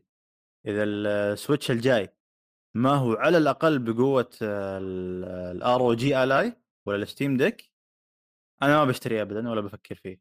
انتظر بعد كم سنة ينزل له محاكي وألعب عليه و ذا أنا صراحة ما أبغى أدفع ذا المبلغ على يعني أنا واحد ترى أول شيء ما أقدر ألعب أقل من 60 frame 60 frame هذا شيء مرة يوجع عيني. وجودة أقل من Full HD ما أقبل. ممكن أقبلها على هذا okay ممكن 720 على جهاز صغير. لكن في النهاية 60 frame هذا الشيء اللي أنا أستهدفه. وفي 2024 إذا افترضنا الجهاز هذا بينزل في 2024 أنت عندك والله معمارية ال Ada Lovelace اللي إذا بتقعد مع Nvidia أنت يمديك تستخ... تستخدم فيها ال DLSS يمديك تستخدم DLSS 3 يمديك آه، يعني خلينا نقول تستغل المعمارية هذه بأقصى شكل إذا كان فعلا هم ما, ما زالوا بيستمرون مع Nvidia. ف آه، أنا صراحة أعتقد إنه هذا الشيء لازم يكون على الأقل Steam Deck Steam Deck يعتبر ال minimum يعني إذا أنت بتنزل Switch 2 ممكن إيش هم يقول لك والله أنا ما ما أبغى اللي هم Nintendo يقول لك أنا والله ما أبغى ال- ال- الأداء بقدر ما أبغى الكفاءة. أنا أبغى كفاءه أبغى الجهاز يستمر بدون بطارية وقت عفوا ببط- ببطارية خلينا نقول ما تخلص بسرعة. آه، اللي هو ممكن يكون خلينا نقول شيء فعلا في وجهة نظر الموضوع هذا. لكن أعتقد ما زال معمارية Ada Lovelace بحسب اللي شفناه يعني من كروت مثل 40 70 Ti و40 70 إنهم يمديهم يقدمون صرف طاقة مرة ممتاز أدري إنه هذا PC وال PC مرة مرة ما تطبق عليه كلام آه يعني كلام على جهاز محمول. لكن أعتقد إنه على الأقل يمديه يصير مثل Steam Deck اللي هو شغال على على RDNA 1 ولا لا ف أنا أشوف إنه هذا يعني على الأقل يكون Steam Deck ما, فأنت إيش رأيك يا فهد إذا دائما عندك Switch هل أنت بتطلب منه الشيء هذا ولا عادي ما عندك مشكلة يكون قوة ال four؟ آه، شوف أنا ما عندي مشكلة شغل 60 frame يكون. في متسع للمطورين إنهم ياخذون راحتهم في موارد الجهاز مع وجود 60 frame بس أنا. بس أنا الشيء اللي خايف منه من نتندو إنهم يدخلون على نصب جديده وما يصيرون طرف أول لأنه إحنا نعرف آه، ال- ال- على قولتهم آه، ال model business حق الطرف الأول إنه يخسر في. الجهاز ويكسب في الألعاب أو الخدمات طبعا نتندو ما عنده خدمات يعني تكسب في الألعاب أصلا نتندو كسبان في الألعاب يعني غصبا عن الكل يعني مو على الكفاءه يعني. حتى تخفيضات ما تسويه عرفت؟ أنا خا... أنا خايف إيش؟ حتى حتى حتى إيش صوتك كان ينقطع حتى آه، إيش؟ حتى تخفيضات ما تسوي يعني. هي كسبانه آه. كسبانه في ال... حتى لو اللعبة يا رجل remaster ينزلوا لك 60 frame. يعني تبغى آه، 60 دولار. يعني تبغى ولا ما تبغى؟ يعني أنت يعني تبي تلعب؟ ادفع. ما تبي تلعب؟ يعني نتندو نظامها انقلع كذا ما ما يمزحون. فأنا خوفي إن الشيء هذا ينعكس مم. برضو على الجهاز نفسه. إنه يقول لك شوف آه، آه، Steam Deck وشوف آه، ASUS يبيعون اجهزتهم آه، ب آه، يعني 2500 3000 ريال تقريبا. فتجي نتندو وتخش على الخط. وتقول لك أنا ببيع جهاز بنفس القيمة هذه رغم إنه هو طرف أول المفروض ما يبيع المفروض يكون جهاز يعني okay الجهاز يكون قريب من القوة حقتهم لكن السعر يكون تنافسي. لأنه بكل أمانة يعني أنا شخصيا ما اهتميت في نتندو إلا عشان بايونيتا. هو أصلا سبب حماسي لل أو بشكل عام سبب حماسي لجهاز نتندو القادم إني بقدر ألعب ألعاب battle games بشكل أفضل. تشين ومنها بايونيتا كمان الأجزاء القادمة. فأنا ودي الجهاز بس يشغل 60 frame 720 okay ما عندي مشكلة لكن حطيته في وضع الشاشة يشغلها آه، يحاول يشغلها 2K ولا يشغلها يحاول يعني يدورون طرق مع انفيديا يعني هم بخص يحاولون بأي طريقة لكن أنا أنا مشكلة في إنه هل الجهاز يوفر للمطورين مساحة إنهم ياخذون راحتهم ولا لا؟ ترى هذه هذه مشكلة. الكبرى إن المطورين يا إنه يضحي في الفريمات يا إنه يضحي في ال graphics أو ال graphics والأشياء الأخرى آه على. نينتندو أتوقع ال graphics بكل الأحوال ما بيكون أولوية يعني لا، يعني بشوف مرات تقول okay لكن لعبة زي بايونيتا 3 يعني اللي صاير قلة أدب okay ال graphics ما هو أولوية مم. بس اللعبة مليانة فلاتر ومليانة آه. صح صح صح شيء شيء شيء مقرف صراحة شيء. جدا يعني شيء قاعد يظلم اللعبة يعني تخيل لو مثلا بايونيتا نازلة على على كل الأجهزة ما هي ما هي حصريه Switch 100% مم. تكون لعبة أفضل من كذا بمراحل فأنا هذا أنا هذا اللي خايف منه إنه نتندو تستمر في نفس ال... في نفس النطاق ولا, ولا إني مستغرب. يعني م- مستبعد هذا الشيء لأنه الحين في منافسين جدد وخصوصا إنه المنافسين عندهم محاكاة نتندو. يعني نتندو أيوه صح. أتوقع هذه أول مرة نتندو تحس بالتهديد. okay أنت ما أنت منافس لي راس براس بس أنت قاعد تنافسني في السرقة يعني عرفت يعني؟ آه انت قاعد هو ترى. هو ترى حتى يعني ترى انت قاعد تشوف ترى الإقبال على الأجهزة المحمولة ال- اللي هو ال PC المحمول ال- ال- إذا إذا صح التسمية ترى قاعد يزيد يزيد بشكل مرة كبير. اللي هو جدا الستيم أصلا وفالف خلينا نقول آه، فاهمين الشيء هذا ولعبوه صح صراحة. هو وجاء جاء جوك عن آي نيو مع إنه سعر الجهاز مرة مرة خايس وكذا اشتري لي كرت مع ار تي إكس 40 70 أحسن لي. لكن آه، شوف الر- الروج أتوقع هو أفضل خيار حاليا الر- ال ROG Ally اسمه أظن هو أفضل خيار حاليا. كسعر وكأداء هو الأفضل ف إيه، يعني.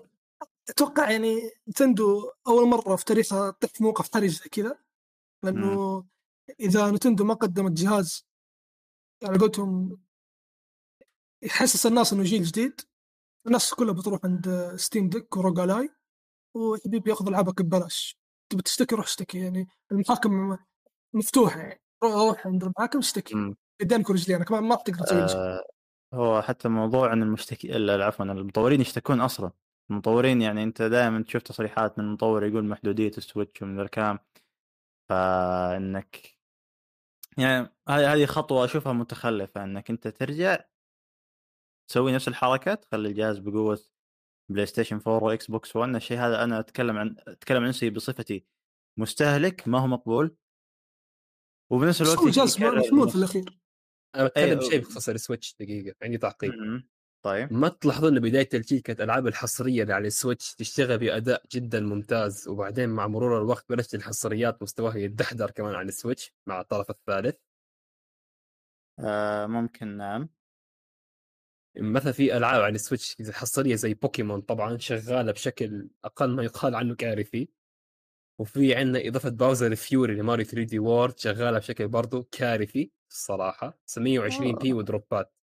هو طبيعي لما يندفع يندفع الجهاز لأقصى حدوده هذا اللي يصير يعني, يعني حتى ألعاب نينتندو صارت تشتغل بشكل مو مش ولا بد. بس جت زلدة واشتغلت بشكل أسطوري أفضل لعبة اشتغلت على الجهاز. فما أدري كيف نينتندو تتعامل مع جهازها هذا.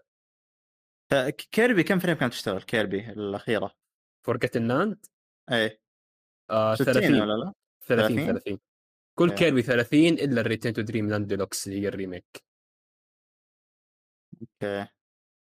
الشيء خلينا قاعد أحاول أتذكر آه صح حتى سكاي وورد سورد كان يشتغل 60 فريم ولا لا؟ على سكاي وورد. سورد إيوه 60 سكاي وورد آه. هي زلدة الوحيدة اللي 60 على السويتش مع لينك اويكننج حتى لينك اويكننج مو 60 ثابت. بالله لينك اويكننج مع البساطة اللي فيها ما هي 60 ثابت؟ الريميك لا ما انه 60 ثابت. دروب يا ساتر. البنوتات أتوقع كلها تشتغل 60 بي- 3 بيانات لا حصرية. بايونيتا بايونيتا 3 كارثة يا رجل. أي 60 هي تستهدف فيها 60. هبوط بس تستهدف 60 في يعني تستهدف ست... شوف. تستهدف 60 بس تشتغل 40 لا يعني الجهاز إيش إيش حتسوي؟ عرفت؟ يعني يا رجل إذا الفايف يطفي لما يكون في عمالقة هذيك اللعبة. فايش يعني السويتش إيش حيسوي لك عرفت؟ ما ما أقدر أسوي المذر لك بورد شيء. حقي خرب من زلدة. فما ما يقدر يسوي لك شيء السويتش صراحة.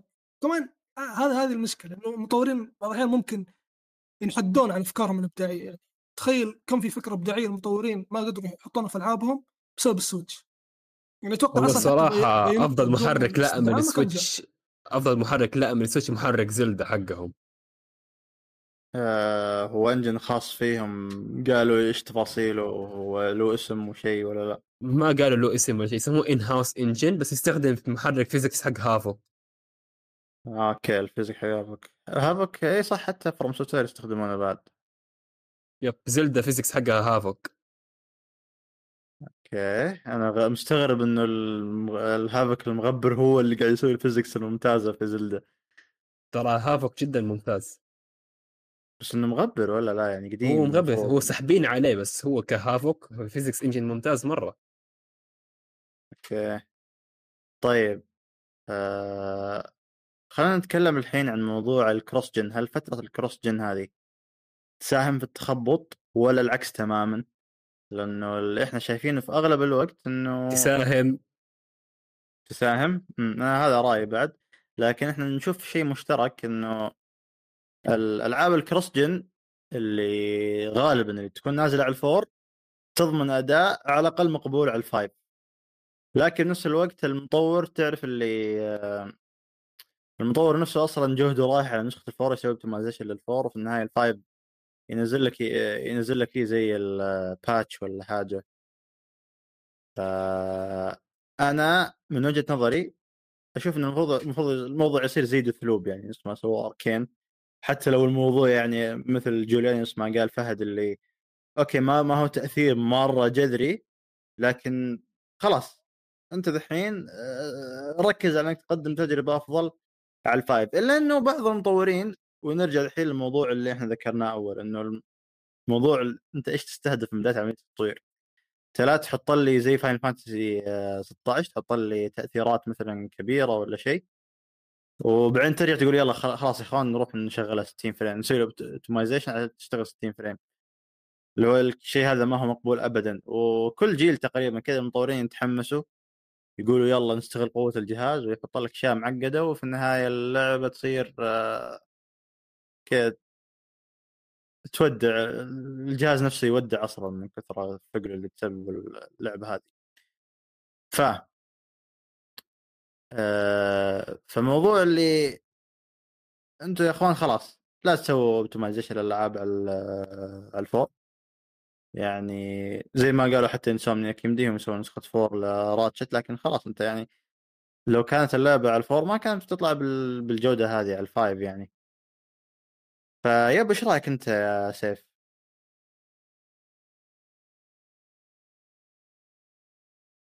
آه أنا أشوف إنه فعليا نسخ المطور يركز على نسخ ال four ولما يجي يسوي نسخة ال five يسويها ك port بس. إنه يمسك نسخة. ال four يسوي لها port يرفع ال frame rate وال resolution يقول لك تفضل هذه نسخة ال five.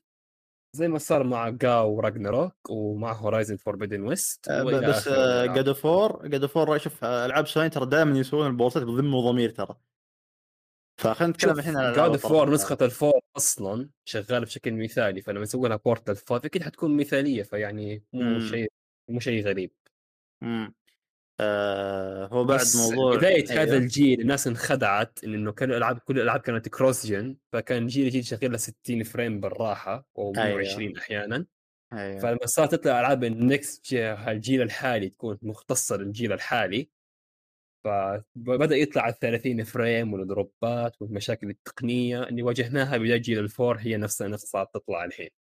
فالناس. يقولوا إيش فائده هذا الجيل وما أدري إيش؟ طبيعي إنه الحين أنت في البداية جالس تطلع ألعاب جديدة تستغل العتاد الجديد. فالا ما يصير معك في البداية دروبات ومشاكل تقنية وجلتشات وبقات وكراشات الا ما تصير آه أنا في مثال في بالي اللي هو موضوع Resident Evil 4 لا، Resident Evil Evil 4 مم، نزلت على Evil. ستيشن نزلت على ال PlayStation 4 بس ما نزلت على ال Xbox 1 ما أدري ليه بس نزلت على مم. Station 4 فلوس. و Xbox 1 لا آه يا أخي ما بغض النظر هل هو فلوس ولا هل هو ما لهم خلق يسوون نسخة Xbox 1 لكن أنا ملاحظ انه كون اللعبة على الجيل الماضي ترى ذا الشيء له آثار سلبية على ال five ال five أنا أشوف نفس تعرف اللي فيه مشاكل في ال four واشياء كنا نشوف جيل آه، أصلا graphics Resident Evil 4 موجودة. كله غريب. graphics Resident Evil 4 كله غريب. ما كان تحسه أوه wow. ما كان تقول أوه يا بغض النظر عن يعني الموضوع هذا اتكلم عن المشاكل أنت تشوف textures مرات و في اللعبه مرات آه، تنضرب يعني من ناحية ال... آه، حتى ال... يا أخي ال... okay أدري الأداء ما له دخل بس آه، لو أنكم ساحبين على ال four من البداية يا أخي اللي هو هم كانوا ساحبين هم كانوا ساحبين كانوا ساحبين بس بعدين رجعوا ما أدري ليه. لا هم ما كانوا ساحبين لكن ما اعلن ما قالوا في ممكن. البداية إنه حتى Resident Evil Village ترى Resident Evil Village لما أعلنوا عنها أول مرة ما قالوا إنها بتنزل على ال four. آه كت... الظاهر كتبوا PlayStation أتوقع هو كان حدث PlayStation بعد اللي اعلنوا فيه Resident Evil Village إذا ماني غلطان. فالموضوع آه إنه فجأة كذا قالوا يلا يا إخوان خلاص إحنا بنزل مقلبناكم اللعبة نازل على على ال four وفعلا. شغالة على ال four كويس بس مشكلة تكسر الجدران طالع زي كأنه بلوكات Minecraft غير كذا ما في مشاكل. هو ح- على كلام الناس اللي أعرفهم اللي لعبوها على ال four هي صح تستهدف 60 frame لكن فيها مشاكل. آه، في دروبات واضحة وحتى على ال five أتكلم عن نفسي على ال five على وضع فريمات على وضع ال ray tracing على وضع اللعبة كلها الجودة. optimization حقها في مشاكل بس يعني تعتبر أحسن إيه. بكثير من غيرها. أيوه هو أحسن بكثير من غيرها بس أنا أعتبره مثال على اللي على الأقل playable playable مو ان playable زي بعض الألعاب اللي تنزل أيوه أيوه playable بس آه، مستقبل RE Engine ذحين أنا ما يعني تعرف أنا كنت أثق ثقة عمياء بال بالمحرك المش- هذا أعتبره زي المشكلة. مو مشكلة محرك المشكلة مو مشكلة محرك المشكلة مطورين كسلانين وورطوا نفسهم بنسخه ال four آه yep آه فاللي أنا متحمس أشوف وبنفس الوقت ما ماني رافع توقعاتي إنه غالبا تكون الجاية. Evil 9 هذه أو Apocalypse أو Apocalypse شيء زي كذا اسمه بنشوف كيف الوضع Apocalypse إيه. yep آه، وصراحة أنا ما أدري هل ذا الشيء يعتبر مخيب بالنسبة لكم ولا لا لكن DMC 5 إحنا نعرف أيوه. لعبة ممتازة مرة نزلت ال four كانت 60 frame ثابتة graphics بالضبط. كانت لعبة إعجازية م- وأعداء كثيرين كذا اللعبة محافظة على أداء ثابت. ف وأنا كنت أعتبرها شيء مثل Doom لكن hack and slash فاهمني؟ اللي optimization ممتاز. و لكن Doom على ال five كانت تشتغل بشكل أفضل من DMC على ال five. DMC يعني على وضع ال 120 هرتز. كانت تشتغل آه، 80 ل 90 frame وأداء ما هو ما هو ثابت. طيب شوفوا غالبا المشكلة إنه. المحرك لسه ما زبطوه كويس إنه يدعم الجيل الجديد. غالبا لسه جالسين يعدلوا عليه لسه فبعد ما يخلصوا تعديلات يضبط وضعه لسه غالبا تعديلات الوضع.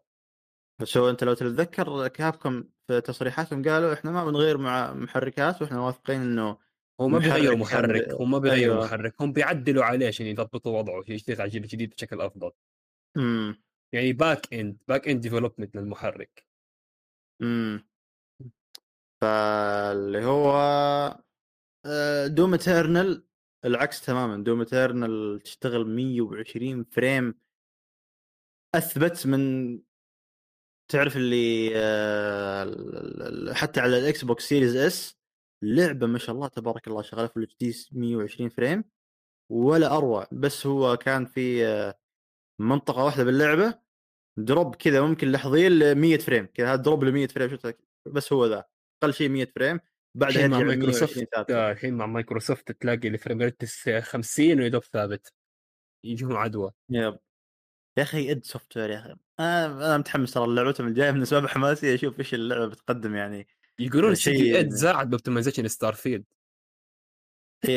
هو أكيد إنه في ألعاب كثيرة ترى بعد تساعد فيها حتى حتى حتى Prey و Dishonored 2 ترى مساعدين فيها فأنا ما أعتبرها يعني علامة تفاؤل. إنه حتى Dishonored 2 حتى Redfall. Redfall بعد ساعدوا فيها؟ أيوه هم اللي مسوين ال shoot. okay. Red آه، fall سوي ساعد ال shooting مو الأوبتمايزيشن مو الأوبتمايزيشن مو الأوبتمايزيشن. سا... آه، حتى الشوتنج حقه حق Redfall مو مرة حق Doom يعني. بس هم ساعدوا دخلوا في هذا وقالوا بيسوون نظام ال shooting ومدري إيش.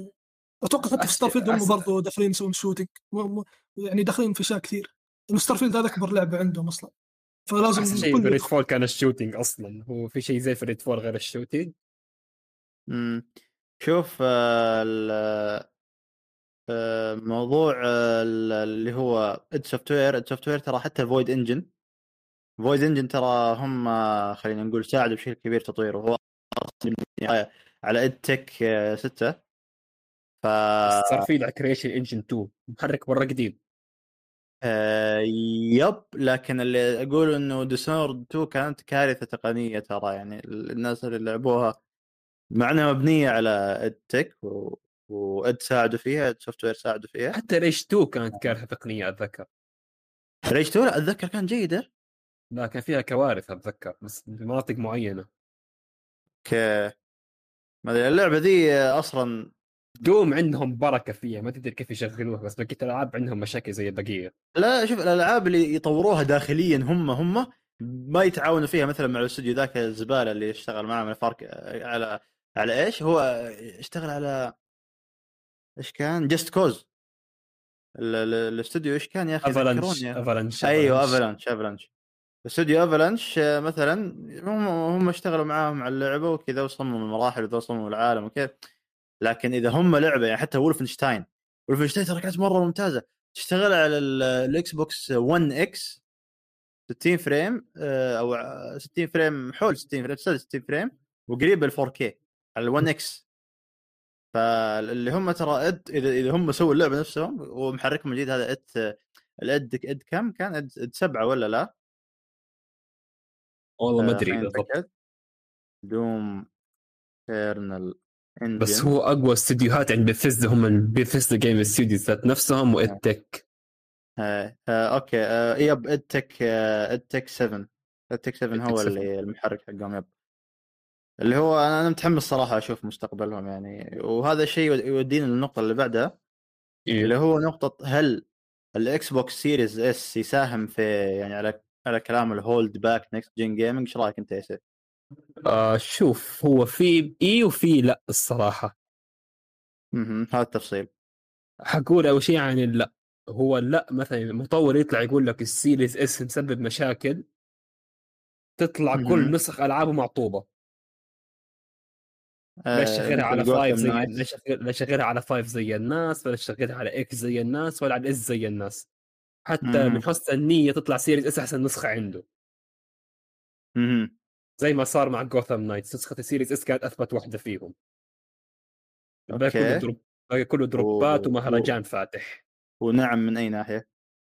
ونعم إنه مثلا في ألعاب فيها أفكار جدا ضخمة يطبقها المطور بس يجيك ال Series S بالمحدودية حقته يقعد يتورط مع يسوي downgrade لبعض الأمور وهذه الأشياء. مم. بس هو طيب، غالبا آه. لا يعني مايكروسوفت منها شركة غبية يعني تسوي جي جهاز يسوي hold back لل next gen مم. شركه غبيه بصراحة على كلام لا. على كلام آه، على كلام آه، ما في؟ الشركة. تضر ال business حقها بنفسها ما مايكروسوفت ما business business. business يا فهد business. business خل... خلينا ندخل في التفصيل يا إخوان آه، Richard قال في في واحدة من حلقات DF Direct إنه Xbox Series S doesn't hold back next gen gaming Xbox Series S is being held back أصلا فاللي هو آه، تعرف اللي دحين في مطورين أنا عندي رد. بسيط مايكروسوفت. عندها بجزء أحسن قسم software من الناحيه هذه ما أتوقع عندهم من- الكافي انهم ناحية يسووا جهاز معفن وينكب الجيل آه، من آه، من ناحية ال software إنه يمديك تسوي port بسهولة من ذا الكلام صح؟ لا يعني مثلا عندهم مهندسين software و hardware أحسن من أي شركة ثانية حاليا. بس هذا أنا مجالهم. أختلف- أنا أنا أختلف في النقطة هذه لأنه كل هذا- هذا مجالهم. C وذا. ال Windows آه، ال Windows كله مايكروسوفت طيب شوف أنا أنا أنا نفس إجابتي اللي هو نعم ولا من جهتين. اللي هو آه لا من أغلب النواحي خصوصا حاليا ما في أي لعبة يعني ونعم من ناحية بس ال RAM ات. من ناحية الرامات آه ممكن نعم. لكن أنت على كلامك الأفكار المجنونة هذه بتكون ما بيكون فيها أي مشاكل.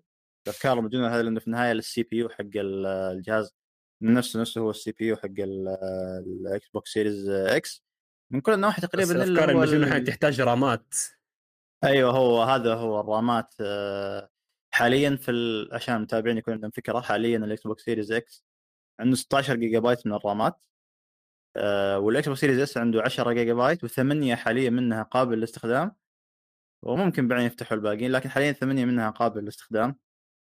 ف... اثنين رايحين للنظام اثنين رايحه للنظام ما- آه، لا لكن في خلينا نقول آه، زي اللي سووه مع PlayStation 4 اول انهم يفتحوا موارد في الجهاز المطورين إنهم آه، يستغلوها بعدين إنه ما ما يعطوها خلينا نقول آه، آه، من بدري إنه غالبا عشان. غالبا عشان عمر الجهاز.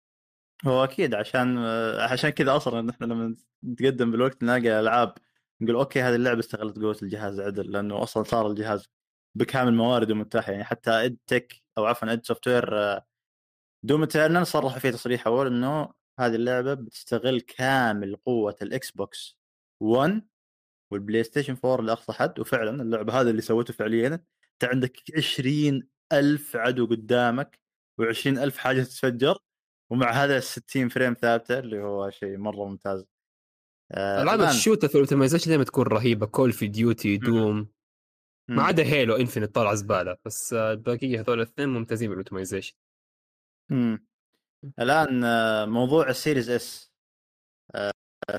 الكلام عنها اللي هي Baldur's Gate 3 مع الاكس. بوكس Series آه، وهي فعلا مشكلة رامات لأنه أنت الحين لما تقول لي الشاشة المنقسمة الشاشة المنقسمة يقولون اي لما تقول لي الشاشة المنقسمة آه، هم ما قالوا الشاشة المنقسمة لكن إحنا خ... وهم قالوا لكن ما قالوا إيش المشكلة يعني واضح إنه المشكلة ما هي واضح. GPU واضح هي الوضع CPU. مأساوي عندهم ما هي GPU لا هي CPU هي لا هي أي رامات حاجة ثانية هي بس رامات ويقول لك شباب إنه مهندسين إكس بوكس حاليا يشوفون الوضع أيوه آه، الحين عندك خلينا نقول على كلامهم إنه إحنا بناخذ وقت عشان نسوي optimization للعبة وتنزل الاكس بوكس لكن اللعبة هذه هل هي A Way Out يا سيف؟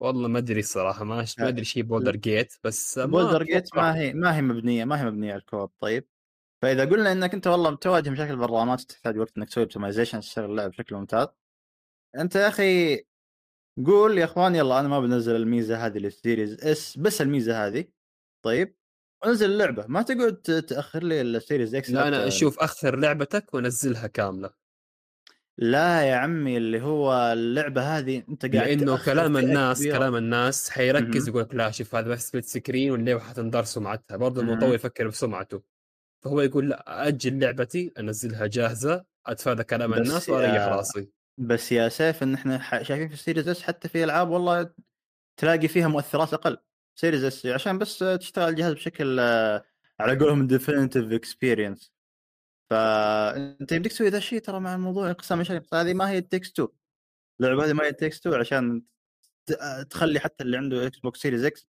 ما يلعبها عشانها فأنت في تتكلمون عن الحالة اللعبة؟ هذه كيف؟ تتكلمون عن أي لعبة؟ بولدرز جيت بوت اي هذا هذا ال- شو اسمه إكس بوكس اللي قالت لهم يا تش... تحطونها بالجهازين ولا مع السلامة؟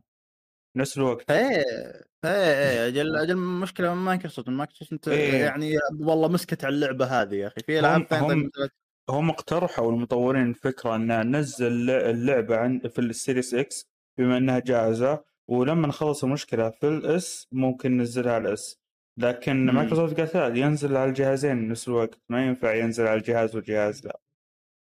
بس أنا عندي سؤال يا أخي. إيه. كيف ال Series S شغل محاكي الطيران ما انه قادر يشغل Baldur's Gate آه هو يا أخي هو مشكلة مشكلة optimization يعني فاهمني؟ مشكلة مطورين مشكلة مطورين كسلانين. ما هم كسلان يعني ما ما ما أبغى أقول والله مطور يقعد سن- سنوات يشتغل يسوي optimization حق اللعبة أقول له كسلان. لكن اللي في أو درجات طاقم يعني. طاقم تقني متواضع جدا عنده يعني لازم تسفيل يعني. والله عاد لين ما تنزل اللعبة إحنا نشوف يعني. حاليا هذا إحنا ما عندنا غير أتمنى تنزل. شغالة أتمنى تنزل شغالة. بتنزل إن شاء الله يكون الأداء كويس فيها لأنه اللعبة ذي أنا واضح إنها بيج ديل يعني على كلام الناس اللي لعبوا ديفينيتي مثلا ألعاب السي ار هي وش أسلوبها أصلا؟ ما أدري ام ام أو ولا إيش؟ آه، سي سي سي استراتيجي. سي سي ار بي جي؟ سي ار بي جي سي ار بي جي تشبه ديفينيتي استراتيجية؟ أوكي أجل أسحب. منهج جوي. لا لا شوف ما ما, ما هي استراتيجية ذيك اللي أنت تعرف ديفينيتي ولا لا؟ ديفينيتي ما أذكرها والله بالضبط. ديفينيتي اوريجينز أيوه اوريجينال سن أيوه ديفينيتي اوريجينال سن تشبهها بشكل كبير لكنها متوسعة. فاهمني؟ ما أدري والمف- بشوف. ممكن أعطيها فرصة ما أدري. امم طيب ما عندي ما عندي آه، شغف كبير بالألعاب هذه الفترة.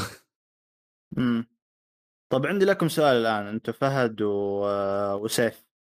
هل تتوقع إنه أغلب الألعاب مستقبلا بتستمر في إنها تكون 60 فريم؟ ولا ب... بنشوف يعني الألعاب الضخمة تكون 30 ولا الألعاب ال- التريبل اي تكون خطية مثلا تكون 60 ولا إيش إيش توقعاتكم؟ إيش رأيك أنت فهد؟ طيب آه، انت سحبت علي في المحورين اللي قبل. أنا عندي كلام كثير عنهم. أيوه أول سلام. شيء شوف السي بولدرز جيت هي مجرد. البداية بالنسبة لي شخصيا أشوف. لأنه شوف أنا كلامك متفق معاه إنك تأجل اللعبة كاملة عشان بس جهاز واحد لأنه أنا معاي الفايف سي دمبي في حريق الاكس. بوكس أنا أنا إيش دخل أهلي؟ أنا جي... اللعبة تشتغل في جهاز 60 frame. أنا إيش دخل؟ عرفت يعني. ما ماني صراحة. نزلها عندي وهذا اللي صار فعلا. اللعبة بتنزل ال five بس بنزلها في نفس يوم Starfield بس كذا ما أدري إيش الغباء اللي فيهم صراحة. بس في ال PC بينزلونها قبل. آه. فهو موضوع إذا كلام على سمعة يعني موضوع آه، سمعة أنت ترى هذا الشيء هذا يضر السمعة أكثر. للجهاز ال- ال- اللعبة ما زالت أصلا على ال Xbox Series X ولا ال S أيوه. حصرية PlayStation مؤقتا يعني عرفت؟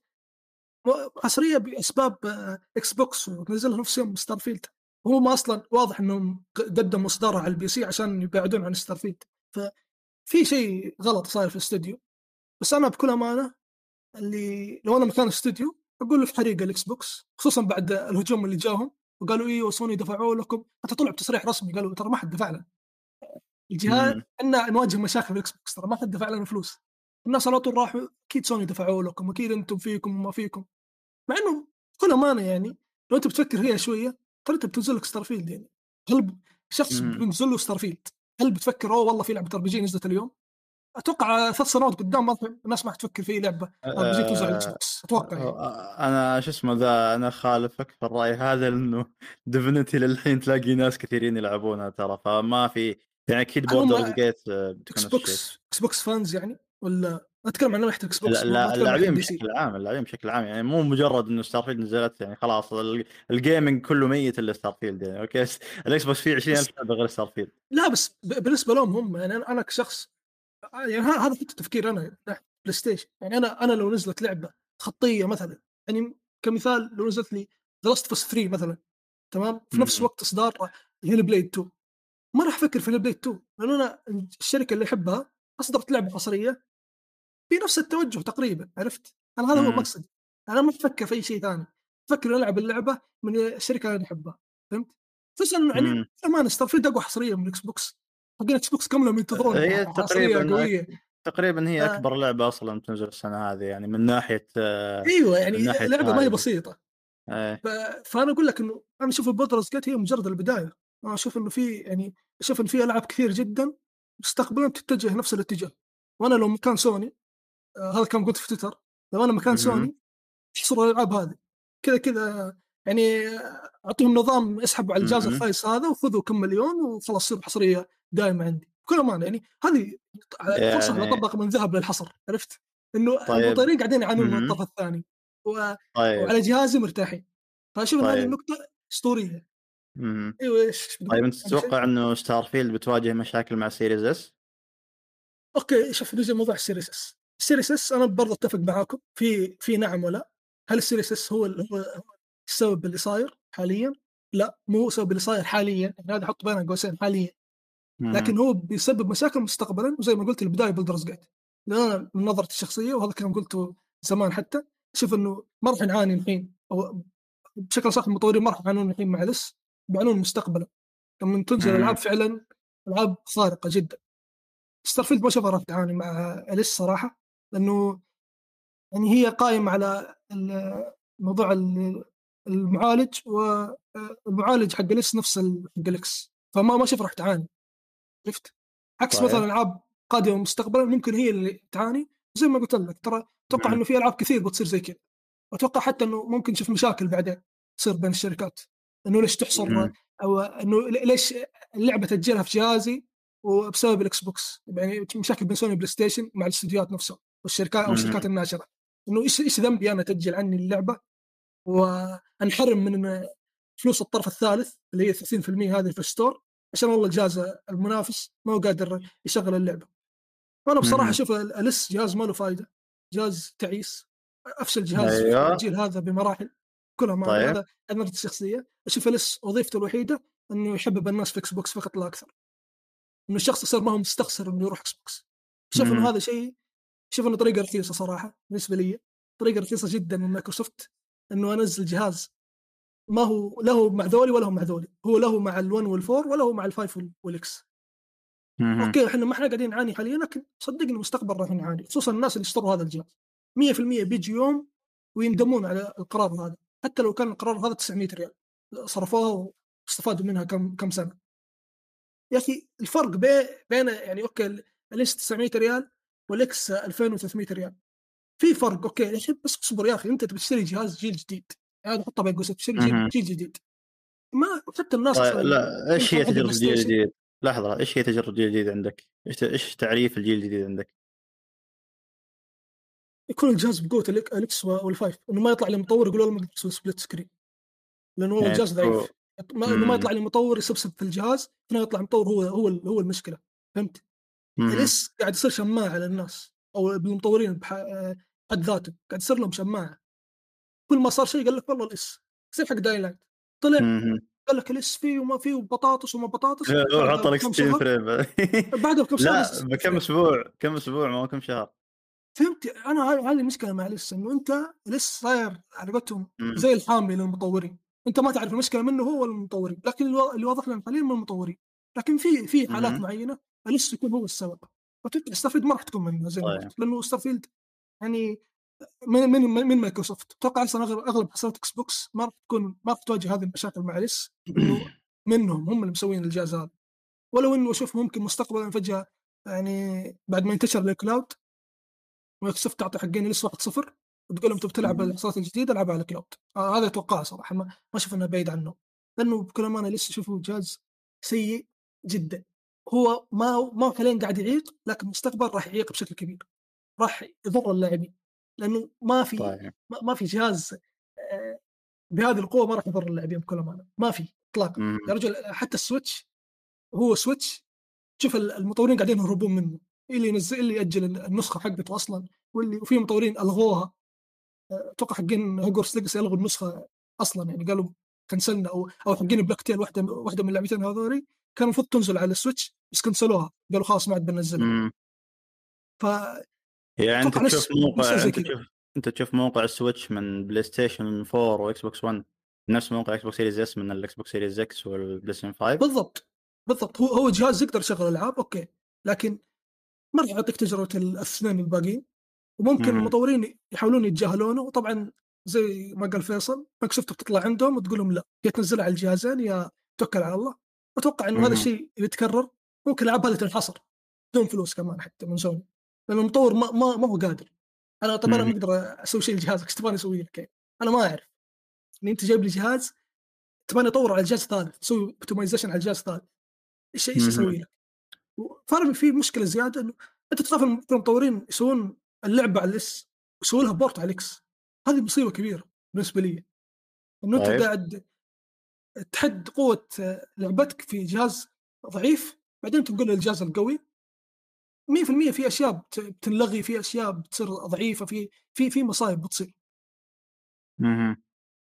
وعلى موضوع ال 60 frame أشوف إنه آه، الموضوع متروك في بيد اللاعبين إذا اللاعبين استمروا في اللي حاصل حاليا وكل لعبة تنزل 30 frame يهاجمونها مهما كان الموضوع مبرر هذه بين قوسين استمروا. اللاعبين يهاجمون هذا الموضوع حتى لو كان مبرر زي Starfield لكن أنا ماني راضي أنا ما أبغى ألعب زي ما المخرج يبغاني ألعب. أنا بلعب زي ما أنا كلاعب أبغى ألعبها. ما اشتري PC. PC PC. ها شوف هذا هذه طيب ليش؟ عرفت؟ ليش أشتري PC؟ بيعي وترى- كليتك هذا الحل. شوف وأنا أخاف إن المطورين يفكرون زي كذا عرفت؟ اللي أنا بس 30 frame على ال console واللي ب frameات اشتري PC. ترى والله زي كذا وما استغربها منهم والله يا إبراهيم حتى ال PC قاعد يعاني من المطورين مو بس صادق والله. وبعد أيوة، أنا- اعظم بعد يعني. الجيل هذا. الموس على كل الرؤوس حرفيا يعني. ما, ما في أحد ما بقى معانا.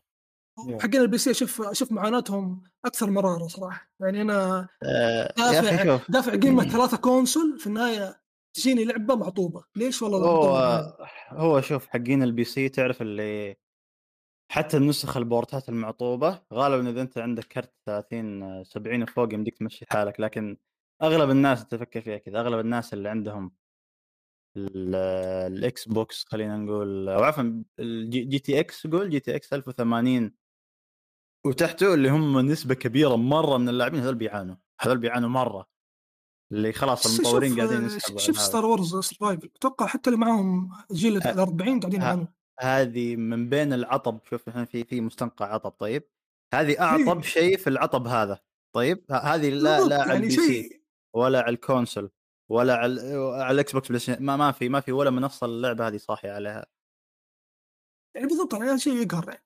بس يعني آخر نقطة بقولها على موضوع النسخ والغاء نسخة وبعدين فجأة تطلع نسخة فور زي كذا ترى جوثم نفس. الشيء.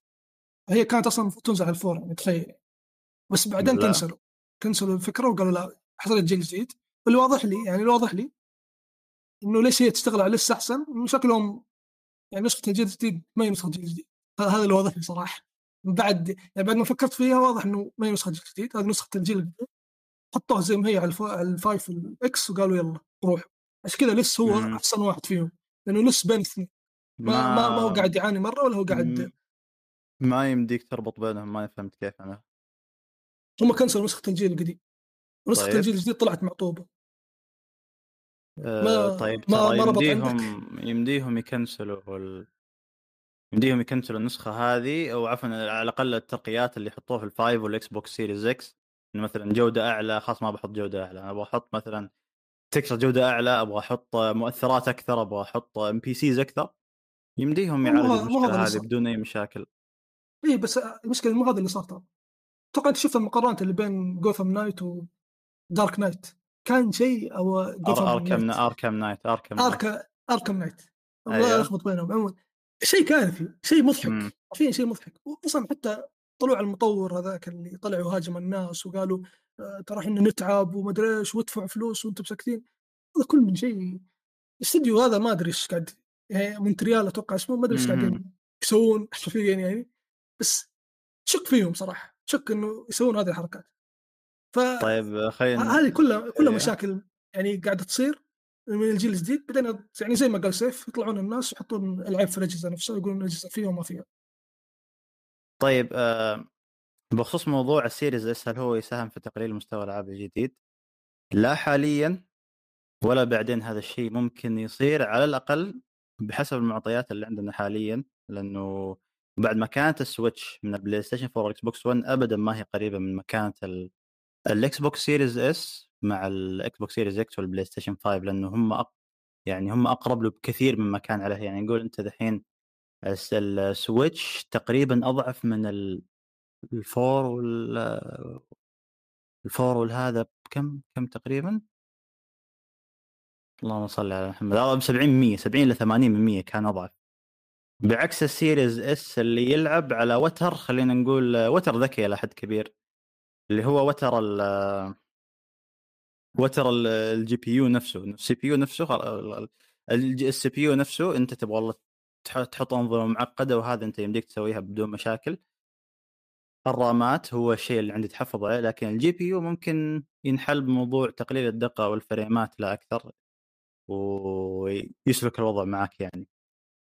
آه الآن الجهاز هذا يشكل خلينا نقول آه يعني شيء نفس مكانة الكروت ال 60 بالنسبة للسوق ال PC اللي هي الكروت اللي بتعطيك الأداء خلينا نقول full HD تعطيك full HD مع مع أداء جيد خلينا نقول. ما أتكلم عن 30 60 قول حتى ال 20 60 حتى ال 1060 على وقته. في كرت مثلا مثل حتى GTX 1650 كان على وقته مرة جد شعبيته جدا هائلة آه، وكان مرة ممتاز على وقته. الآن الكرت ال- أو عفوا الجهاز ال Xbox Series S جالس يسوي هذا الشيء حاليا في ال- في ال console لكنه قاعد خلينا نقول يلعب على ال- ال- ال safe side خلينا نقول اللي هو المعالج كل المواصفات نفسها عدا الرامات وكرت الشاشة اللي ممكن يعني المطور يتفاهم معاهم لاحقا ويقدر يسوي optimization على الجهاز. الآن متى إحنا يمدينا نحدد هل ال Series S فعلا بيكون خلينا نقول hold back hold back next gen على كلامهم إذا صح التعبير ممكن آه، يسوي هذا الشيء أو نحدد إذا بيسوي هذا الشيء لما تنزل ألعاب Unreal Engine 5 تصير الألعاب فعلا فعلا next gen ونشوف إلى أي حد الجهاز هذا بيصمد. يعني إحنا شفناه صمد مع ألعاب كثيرة سابقا. يعني okay id إذا قلنا id Software هم استثناء لأنهم مرة ممتازين شغلوا 120 frame ثابتة. آه ننتظروا الآن مع الألعاب اللي بتنزل على Unreal Engine 5 نشوف المطورين وفي موضوع مهم بعد في مطور الناس يستدلون فيه اللي يقول إن ال Series S ما بيحقق هدفه آه، مع استمرار الجيل. والناس قاعدين يستخدموه مثل ال- الدليل على إنه الجهاز هذا سيء والجهاز هذا خلينا نقول ما هو آه، لا ينصح باقتنائه ومن هالكلام. ال Series S آه، يقول المطور هذاك إنه ما بيحقق ال 2K 60 frame لأنه هذا الكلام اللي قالوه مايكروسوفت. آه، يعني مايكروسوفت قالوا إنه بيحقق 60 آه، 60 frame مع 2K وجاء واحد شطح من ما أدري من كان قال إنه بيشغل 2K 120 frame اللي هو سوالف من الشركة. فهذا الكلام اللي كان يقوله هذاك المطور. طيب وكان في مقابلة مع أحد المطورين اللي اشتغلوا على الجهاز في ال- في اليوتيوب كان يعني لأنه صار في دراما كبيرة حول الجهاز. اللي سالوه قالوا أنت إيش رأيك بال Series S؟ كتب إن أو قال إنه الجهاز هذا ترى الجهاز هذا جيد وكل التضحيات اللي ممكن تتقدم مع هذا الجهاز ممكن آه، يعني ممكن تنبلع بكل سهولة ممكن تتقدم وتكون مرضية جدا للاعبين. وإذا صارت مشكلة فهي من المطور وهذا كلام يصدق عليه مين؟ يصدق عليه Digital Foundry Digital Foundry آه، قالوا هذا الكلام بعد ان الجهاز هذا ما زال صامد وبيصمد لفترة طويلة جدا لكن حتى نحكم على هذا يعني إحنا شفناه بعد مع ال Matrix demo شفناه مع الديموات كلها اللي نزلت على يعني Unreal Engine 5 شفناه مع Metro Exodus قدر يشغل الألعاب بشكل ممتاز جدا. لكن ما زلنا إحنا ما دخلنا في فترة ال next gen الفعلية للحين إحنا في فترة اللي الألعاب ال next gen هي أصلا ألعاب cross gen لكن هي cross gen لكن مستحي حبتين وراحت قررت تفضل إنها تكون حصرية على ال next gen آه وبنشوف إحنا وقتها كيف يصمد. و طيب آه، شوف دامك تابع Digital Foundry قد سمعت كلامهم عن رسالة مايكروسوفت إنه ال S هو الجيل الجديد وال X هو ال mid gen أتوقع هذا من جد ولا ترولة والله أتوقع إنه بس عشان إيش؟ عشان يسوقوا له الجهاز يعني ما تو... لأن هم نفسهم اللي قالوا 2K 120 frame فأنا ما ما أثق في أي كان أشوف الجهاز نفسه مواصفات على الورق طيب مواصفات على الورق إيش يقدم اداء وصلى الله وبارك. الشركة تقول والله 2K يعني شوف عندك Nvidia الحين. Nvidia يقول لك والله إحنا بنوفر عليك كهرباء عشان كذا أشتري ال RTX 4060 لا لا أنا أقصد وإذا- فكرة إنه ال S هو ال هو ال هو اللي ضد ال five فهمت؟ يعني ال S سوالف- سوالف- راس سوالف. براس. سوالف سوالف سوالف. إيه، هو يعني هو عشان كذا أنا كاره الجهاز على كذا أسمعني قاعد يصير. مصايب. اسمعني على كذا على كذا ال- يعني إحنا نتحداهم نقول طيب أنتم أول شيء أصلا اللي اللي مركزين عليه هو ال X أصلا أعلنتوا عن ال X وهو اللي كان ال next gen واللي بيفجر الدنيا 4K 120 frame فما ما تتوقع أنت أصلا إنه الشركة اللي يطلع منها الكلام هذا ما ما تأخذ من يعني ما- ما تأخذ منها لا حق ولا باطل يعني. أنا ما بأخذ بتصريح أي شركة. كذا خلصنا محور الـ ports ولا باقي شيء نبغى نضيفوه؟ آه، الحين بس موضوع بسيط اللي هو موضوع أنظمة الحماية اللي هو موضوع أتوقع سيف أيوه؟ موضوع دينوفو DRM بشكل عام. ال DRM أنا أدري إنه هم بمحاولة يائسة يحاولوا يمنعوا القرصنة لكن هل توصل إنه لدرجة ياكل الأداء بنسبة 50 من 100 آخ. أها. والله ما أدري ما أشتري ألعاب على ستيم بسببه أحيانا. آه، في فضيحة صارت آه، أتذكر على ريزدنت ايفل فيلج إي يا رجال لعبه إيه. كركت الأداء حق ال crack أحسن من أداء ستيم أحسن بكثير أنت تشغلها. يعني حتى اللعبة اللعبة أصلا فوق ما إنه port ال PC حقها أي كلام. port ال PC. حقها أوكي هو yep... والدونوفو كل- الدنيا. أيوه هو- هو المفروض يكون playable بهيئته لكن الدينوفو وجايك دحين دينوفو بمقالة كتبوها عن دليل إنه ترى جهاز ال- النظام حق نظام ال- الحماية ترى ما. يحد ما, ما, ما يحد الأداء ولا شيء. لا بالله عليك. لا الدونوفو وجاي يأثر. اللي ما يعرف ال DRM ال DRM هو إنه يشغل شيء برمجيات خلف الشاشة وانت تلعب اللعبة عشان يحمي القرصنة أنظمة حماية خلف الشاشة. فانظمه الحمايه هذه تسوي جهد على المعالج بر هذا المعالج حق اللابتوب حقك وتسوي drop frame بالنتيجة. و- و- وال stutter بعد حتى ال stutter و stutter تسبب- و stutter وإلى آخره. بس هذا تعريف ال DRM أنا ما فاهم شو هو ال DR M امم آه، لا وجايك نينتندو دحين. بسألكم بس آه، إيه. الحين ال DRM المستخدم في الألعاب القصصية بين قوسين. هو طيب. نفسه ال DRM حق الالعاب الأونلاين اللي يمنع الهيكرز لا لا آه. لا في هذاك اللي يسموه ال Easy Anti-Cheat ولا لا؟ في في أكثر من برنامج. شوف أنا- أفضلهم أقرأ أخبار كل اوف ديوتي بشكل مستمر طبعا يعني للأسف أحب هذه السلسلة دائما أشوف يتكلمون عن دي ار ام جديد دي ار ام قاعدين يستخدمون نفس هذا حق. الغش هذا حق الغش هذا حق الغش يعني ال DRM يتكلم ما ما ما يعملون بنفس. الطريقة لا لا لا لا غير مرة آه لا هو لأن أنا كأن أستغرب انه كلها يعني المفروض تكون أنظمة تشتغل في الخلفية لكن في واحد يشتغل في code و code ما شاء الله يعني إيش تبغى يعني؟ إيش إيش تبغى طريقة اللعب؟ تلعب ب frameات ما في هبوط وما في آه، ضرر على الاداء لكن حق ألعاب القصة يعني ما شاء الله مبدع أيوه يفجر ام الدنيا. دونوفو بالذات. آه لا أنت شفت تصريح نينتندو اللي يبغى يقول لك يبغى يضيفوا دينوفو عشان يمنعوا القرصنة. هو ناقص. آه يا أخي أنا ما- ماني فاهم. أنت فوق ما إنه أصلا جهازك تعبان إيش تبغى؟ تبغى تبغى تخنقها زيادة تبغى تعصرها بالشكل هذا؟ ماني فاهم يعني. شوف هو دونوفو آه. جاتهم فترة دونوفو جاتهم فترة كانت عارفه تتقرصن من أول يوم. كانت إيش؟ كانت عارفه تتقرصن من قبل ما تنزل حتى العاب يا. ساتر. جت فترة كذا 2016 2017 العابها كانت تتقرصن على طول. من وقتها حسوا كذا تحدي كرامة ما في. سووا نظام فجر أم أداء الأجهزة. شوف لو نتندو يبون يبون يسوون نظام حماية شوف أفضل نظام اللي كان يطبق في البلاي ستيشن 3 أو في الجيل هذاك. ما يسوون نظام يعني- حماية. المعالج ما يتحمل نفسه أي نظام حماية هذا؟ بس في نظام يرحمنا من غباء نتندو اللي هو يعني اللعبة تجي معاها كود يسمح لك تشغلها. انتهينا. ما ما يحتاج تجيب لي نظام جديد برضه يضر اللعبه يعني ترى هذا الشيء كان يسوونه كثير في جيل البلاي ستيشن 3 خصوصا الألعاب اللي كانت من EA واتوقع حتى اكتيفيجن يعني لو شريت. اللعبة يجي معاها كود أول ما تدخل اللعبة يقول لك لازم تحط هذا الكود عشان تتصل بالنت. إذا ما حطيت هذا الكود ما, ما تلعب حرفيا. تقعد تحط رجل على رجل ما, ما تقدر تلعب أي شيء. لازم الكود هذا مم. أو إنك تروح تشتريه. تخيل يعني تروح تشتري من الكود ترى 10 الكود يتكرك الكود يتكرك. الكود يتكرك. آه، okay. هذا الشيء هذا الشيء تس- تسويه EA مع العابها ومع ذلك تكرك العابها ترى. فنفس الشيء. اهون اهون من النظام؟ أصلا ب- في نهاية بتتكرك يعني ما أدري يسوون كذا التعب يا هو هو فعليا أي طريقة تحاول فيها تحمي جهازك أو تحمي ألعابك ولا صح فيها آه، أنت حميتها آه، مؤقتا. بس يعني. فعليا آه، حميتها أسبوع أسبوعين كحد أقصى فعليا. لأن لا مع دينيفو لا دينيفو الجديد يحميها سنوات. كويس. لأن لأني اعرفها أنا كذا أسبوع أسبوعين بالكثير انتهى الموضوع. لا دينوفو الجديد يحميها سنة يحميها شهر شهرين يحميها مدة كويسة. حتى شهر شهرين ما هو مدة كويسة. أصلا دينوفو الجديد ما في غير امبرس آه، يتهكر فيه الباقي ما يقدر.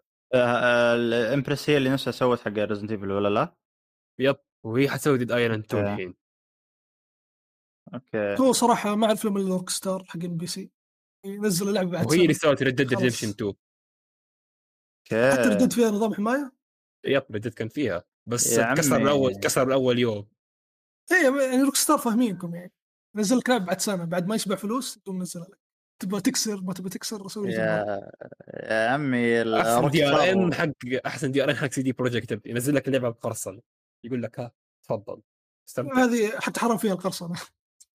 يا, يا. يا عمي ال source code نفسه أصلا تهرب. اي والله من جد. أصلا source code معفن ما تلاقيه كله خربان أصلا تصليح. يعطيكم العافية على ال- على الاستماع والمشاهدة.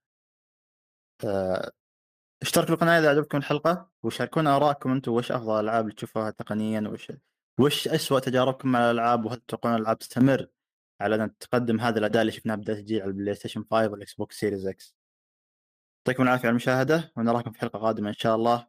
وتقييمنا على مواقع الاستماع آه، بيفيدنا كثير جدا. والسلام عليكم. ورحمة الله وبركاته. إلى اللقاء. إلى اللقاء.